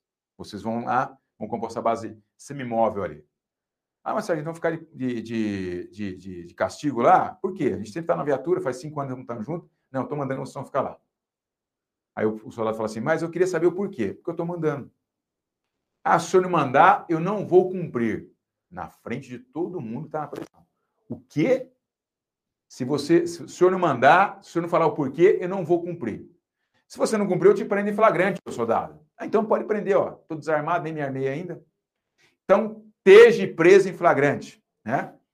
É, está preso em flagrante. Nisso, instantaneamente, adentra a sala de preleção, na antiga sede ali, que era um 38 DP na Parada Pinto, né? Acho que 2387, se não me engano. E a tenente fala: O que está acontecendo aí? Não, tenente, acabei de dar. Foi bom a senhora chegar. Acabei de dar ordem para o soldado A aqui, não quer cumprir e tal. É, mas aconteceu. Vem cá, soldado, deixa eu conversar com você. Olha só houve uma desobediência, houve um descumprimento de missão, ou houve uma recusa de obediência diante dessa, dessa afirmação do soldado? Houve uma desobediência, uma recusa de obediência ou um descumprimento de missão? Que eu mandei ele ficar lá. Qual que é a diferença dos três? Qual que é a diferença deles? É... Pessoal, na verdade eu não vou conseguir nem esgotar esse crime aqui. Faltam aí, meu relógio aqui, Faltam, faltam seis minutos, né? Eu estou apertadíssimo aqui, eu estou indo muita água. Saí para tomar água, tomei mais água lá fora ainda. Mas assim, ó, vamos tentar. Eu vou voltar nesse. Eu vou começar a, a, insubordinação na próxima aula, é, falando dos três crimes. Mas vou dar a resposta para cada concreto aqui. No caso concreto, eu vou confrontar esses crimes aqui, tá? A desobediência, a obediência e a, a, o descompêndio de missão, do artigo 96. Por que, que houve recusa de obediência? Porque houve uma quebra flagrante de hierarquia e disciplina houve uma, uma quebra ali, afrontou a autoridade do sargento naquele momento. Nesse momento que ele afronta, que ele recusa perante todos a cumprir aquela ordem, não precisa ter gente presente, não. Mas, por essa quebra flagrante, poderia não ter ninguém ali, mas por essa quebra flagrante de hierarquia e disciplina, ele incorreu em crime de recusa de obediência. Diferentemente, só para fechar o exemplo aqui, fechar o circuito, você compreende de forma global, e eu vou citar o mesmo exemplo na próxima semana, é, hoje é sexta, né? Nós teremos aula semana que vem. Deixa eu pegar aqui. Nós teremos aula semana que vem. Quer ver? Na. Semana que vem é dia, dia 11. 11. Hoje é 12, pô. 18. Nós teremos é, aula é, terça e quarta-feira. Na terça-feira eu vou estar falando sobre isso. Segunda-feira vocês têm aula de informática. Terça e quarta-feira comigo. Aí quinta o Vasques e sexta o Jonathan, tá? Então, terça e quarta-feira nós faltamos falar disso aqui. Então, assim, pessoal, é... imagina que eu estou de supervisor regional ou de comando de força de patrulha, eu vou ser de sargento, final de, final de semana. Você, sargento, final de semana. Você chega, não sei se vocês conhecem o nono batalhão, mas fica ali na Nova Cantareira, 842, né? E é uma casa antiga. E lá no fundo tem uma, tem uma quadra, tem um, tem um uma churrasqueira no fundo bem legal. A, a, casa é bem antiga, era a sede da Fazenda Santana, na região de Santana. Tem até aquela bolsa onde eram prendidos, presos escravos, uma, uma, muito legal. Antigamente não existia nada ali, só a sede Santana. E hoje é, desde que, né, desde 99, por aí, ali é a sede do nono batalhão, tá? Desde 99 2000, ou seja, faz 20 anos que está lá. Já foi sede do CPA também, M3 e tal. Mas voltando. Então você chega lá e fala assim, ô, encarregado de serviço de dia, eu sou CGP aqui da área, o, tá, por determinação do comando do batalhão, eu sou responsável pelo, pelo serviço de dia aqui do batalhão, eu não quero ninguém jogando bola esse final de semana, hein? Tá? Hoje é domingo, quero ninguém jogando bola. E também, ó, tiver que fazer alimentação, o pessoal que está recolhido aí administrativamente, não tem mais recolha administrativa, né? Mas os polícias que estão aí trabalhando, eu não quero fazer churrasco, não quero é, comer marmita lá no rancho, tá bom? Aí o polícia fala assim, ah, tá bom, teu chefe, beleza. Você sai para rondar, a hora que você volta meio-dia, meu, campeonato de futebol correndo solto, churrascada, sambão, pagodão lá, ó, o, o, o triângulo. Meu, o que, que eles praticaram? O que, que esses caras praticaram aí? O que, que eles praticaram? Praticaram qual crime? Praticaram recusa obediência, desobediência ou descumprimento de missão? Praticaram aí desobediência, pessoal. Nós estudaremos esse crime também, artigo 302 do Código Penal Militar. Por quê? Porque é um mero descumprimento de ordem, diferentemente da recusa de obediência, daquela insubordinação anterior que a gente havia comentado, que nós havíamos comentado agora há pouco. Não houve uma quebra flagrante de hierarquia e disciplina? Houve. Houve uma quebra flagrante no caso do futebol e do samba? Não, por quê? Porque houve um mero descumprimento de ordem. Não houve uma afetação à autoridade, à hierarquia, à disciplina. Por isso se enquadra na desobediência. Perceberam?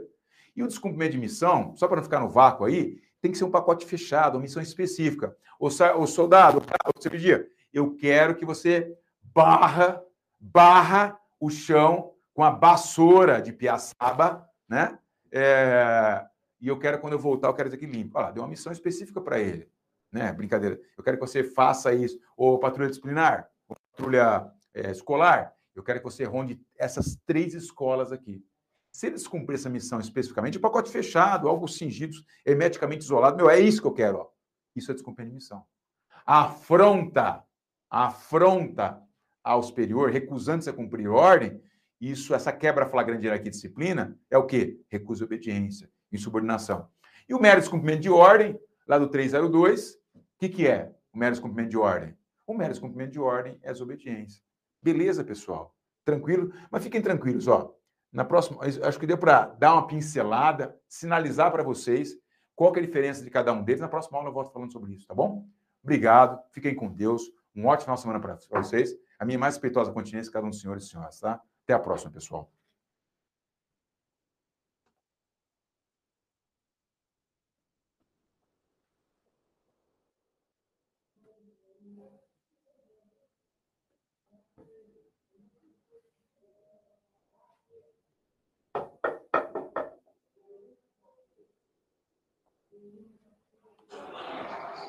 Coronel, bom dia.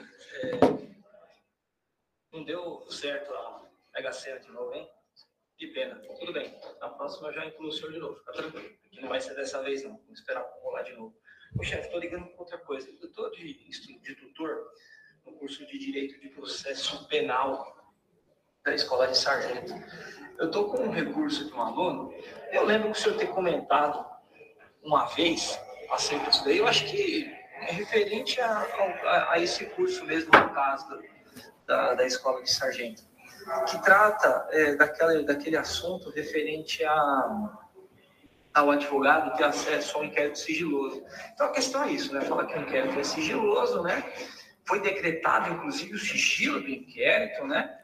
E aí, e aí a questão a correta fala, aí uma das questões que é errada diz que o advogado não pode extrair cópia ou tomar apontamentos quando é decretado sigilo é, é, desse inquérito. E para mim isso daí está errado. Né? Para mim eu tô, acho que está certo o, o aluno fez o recurso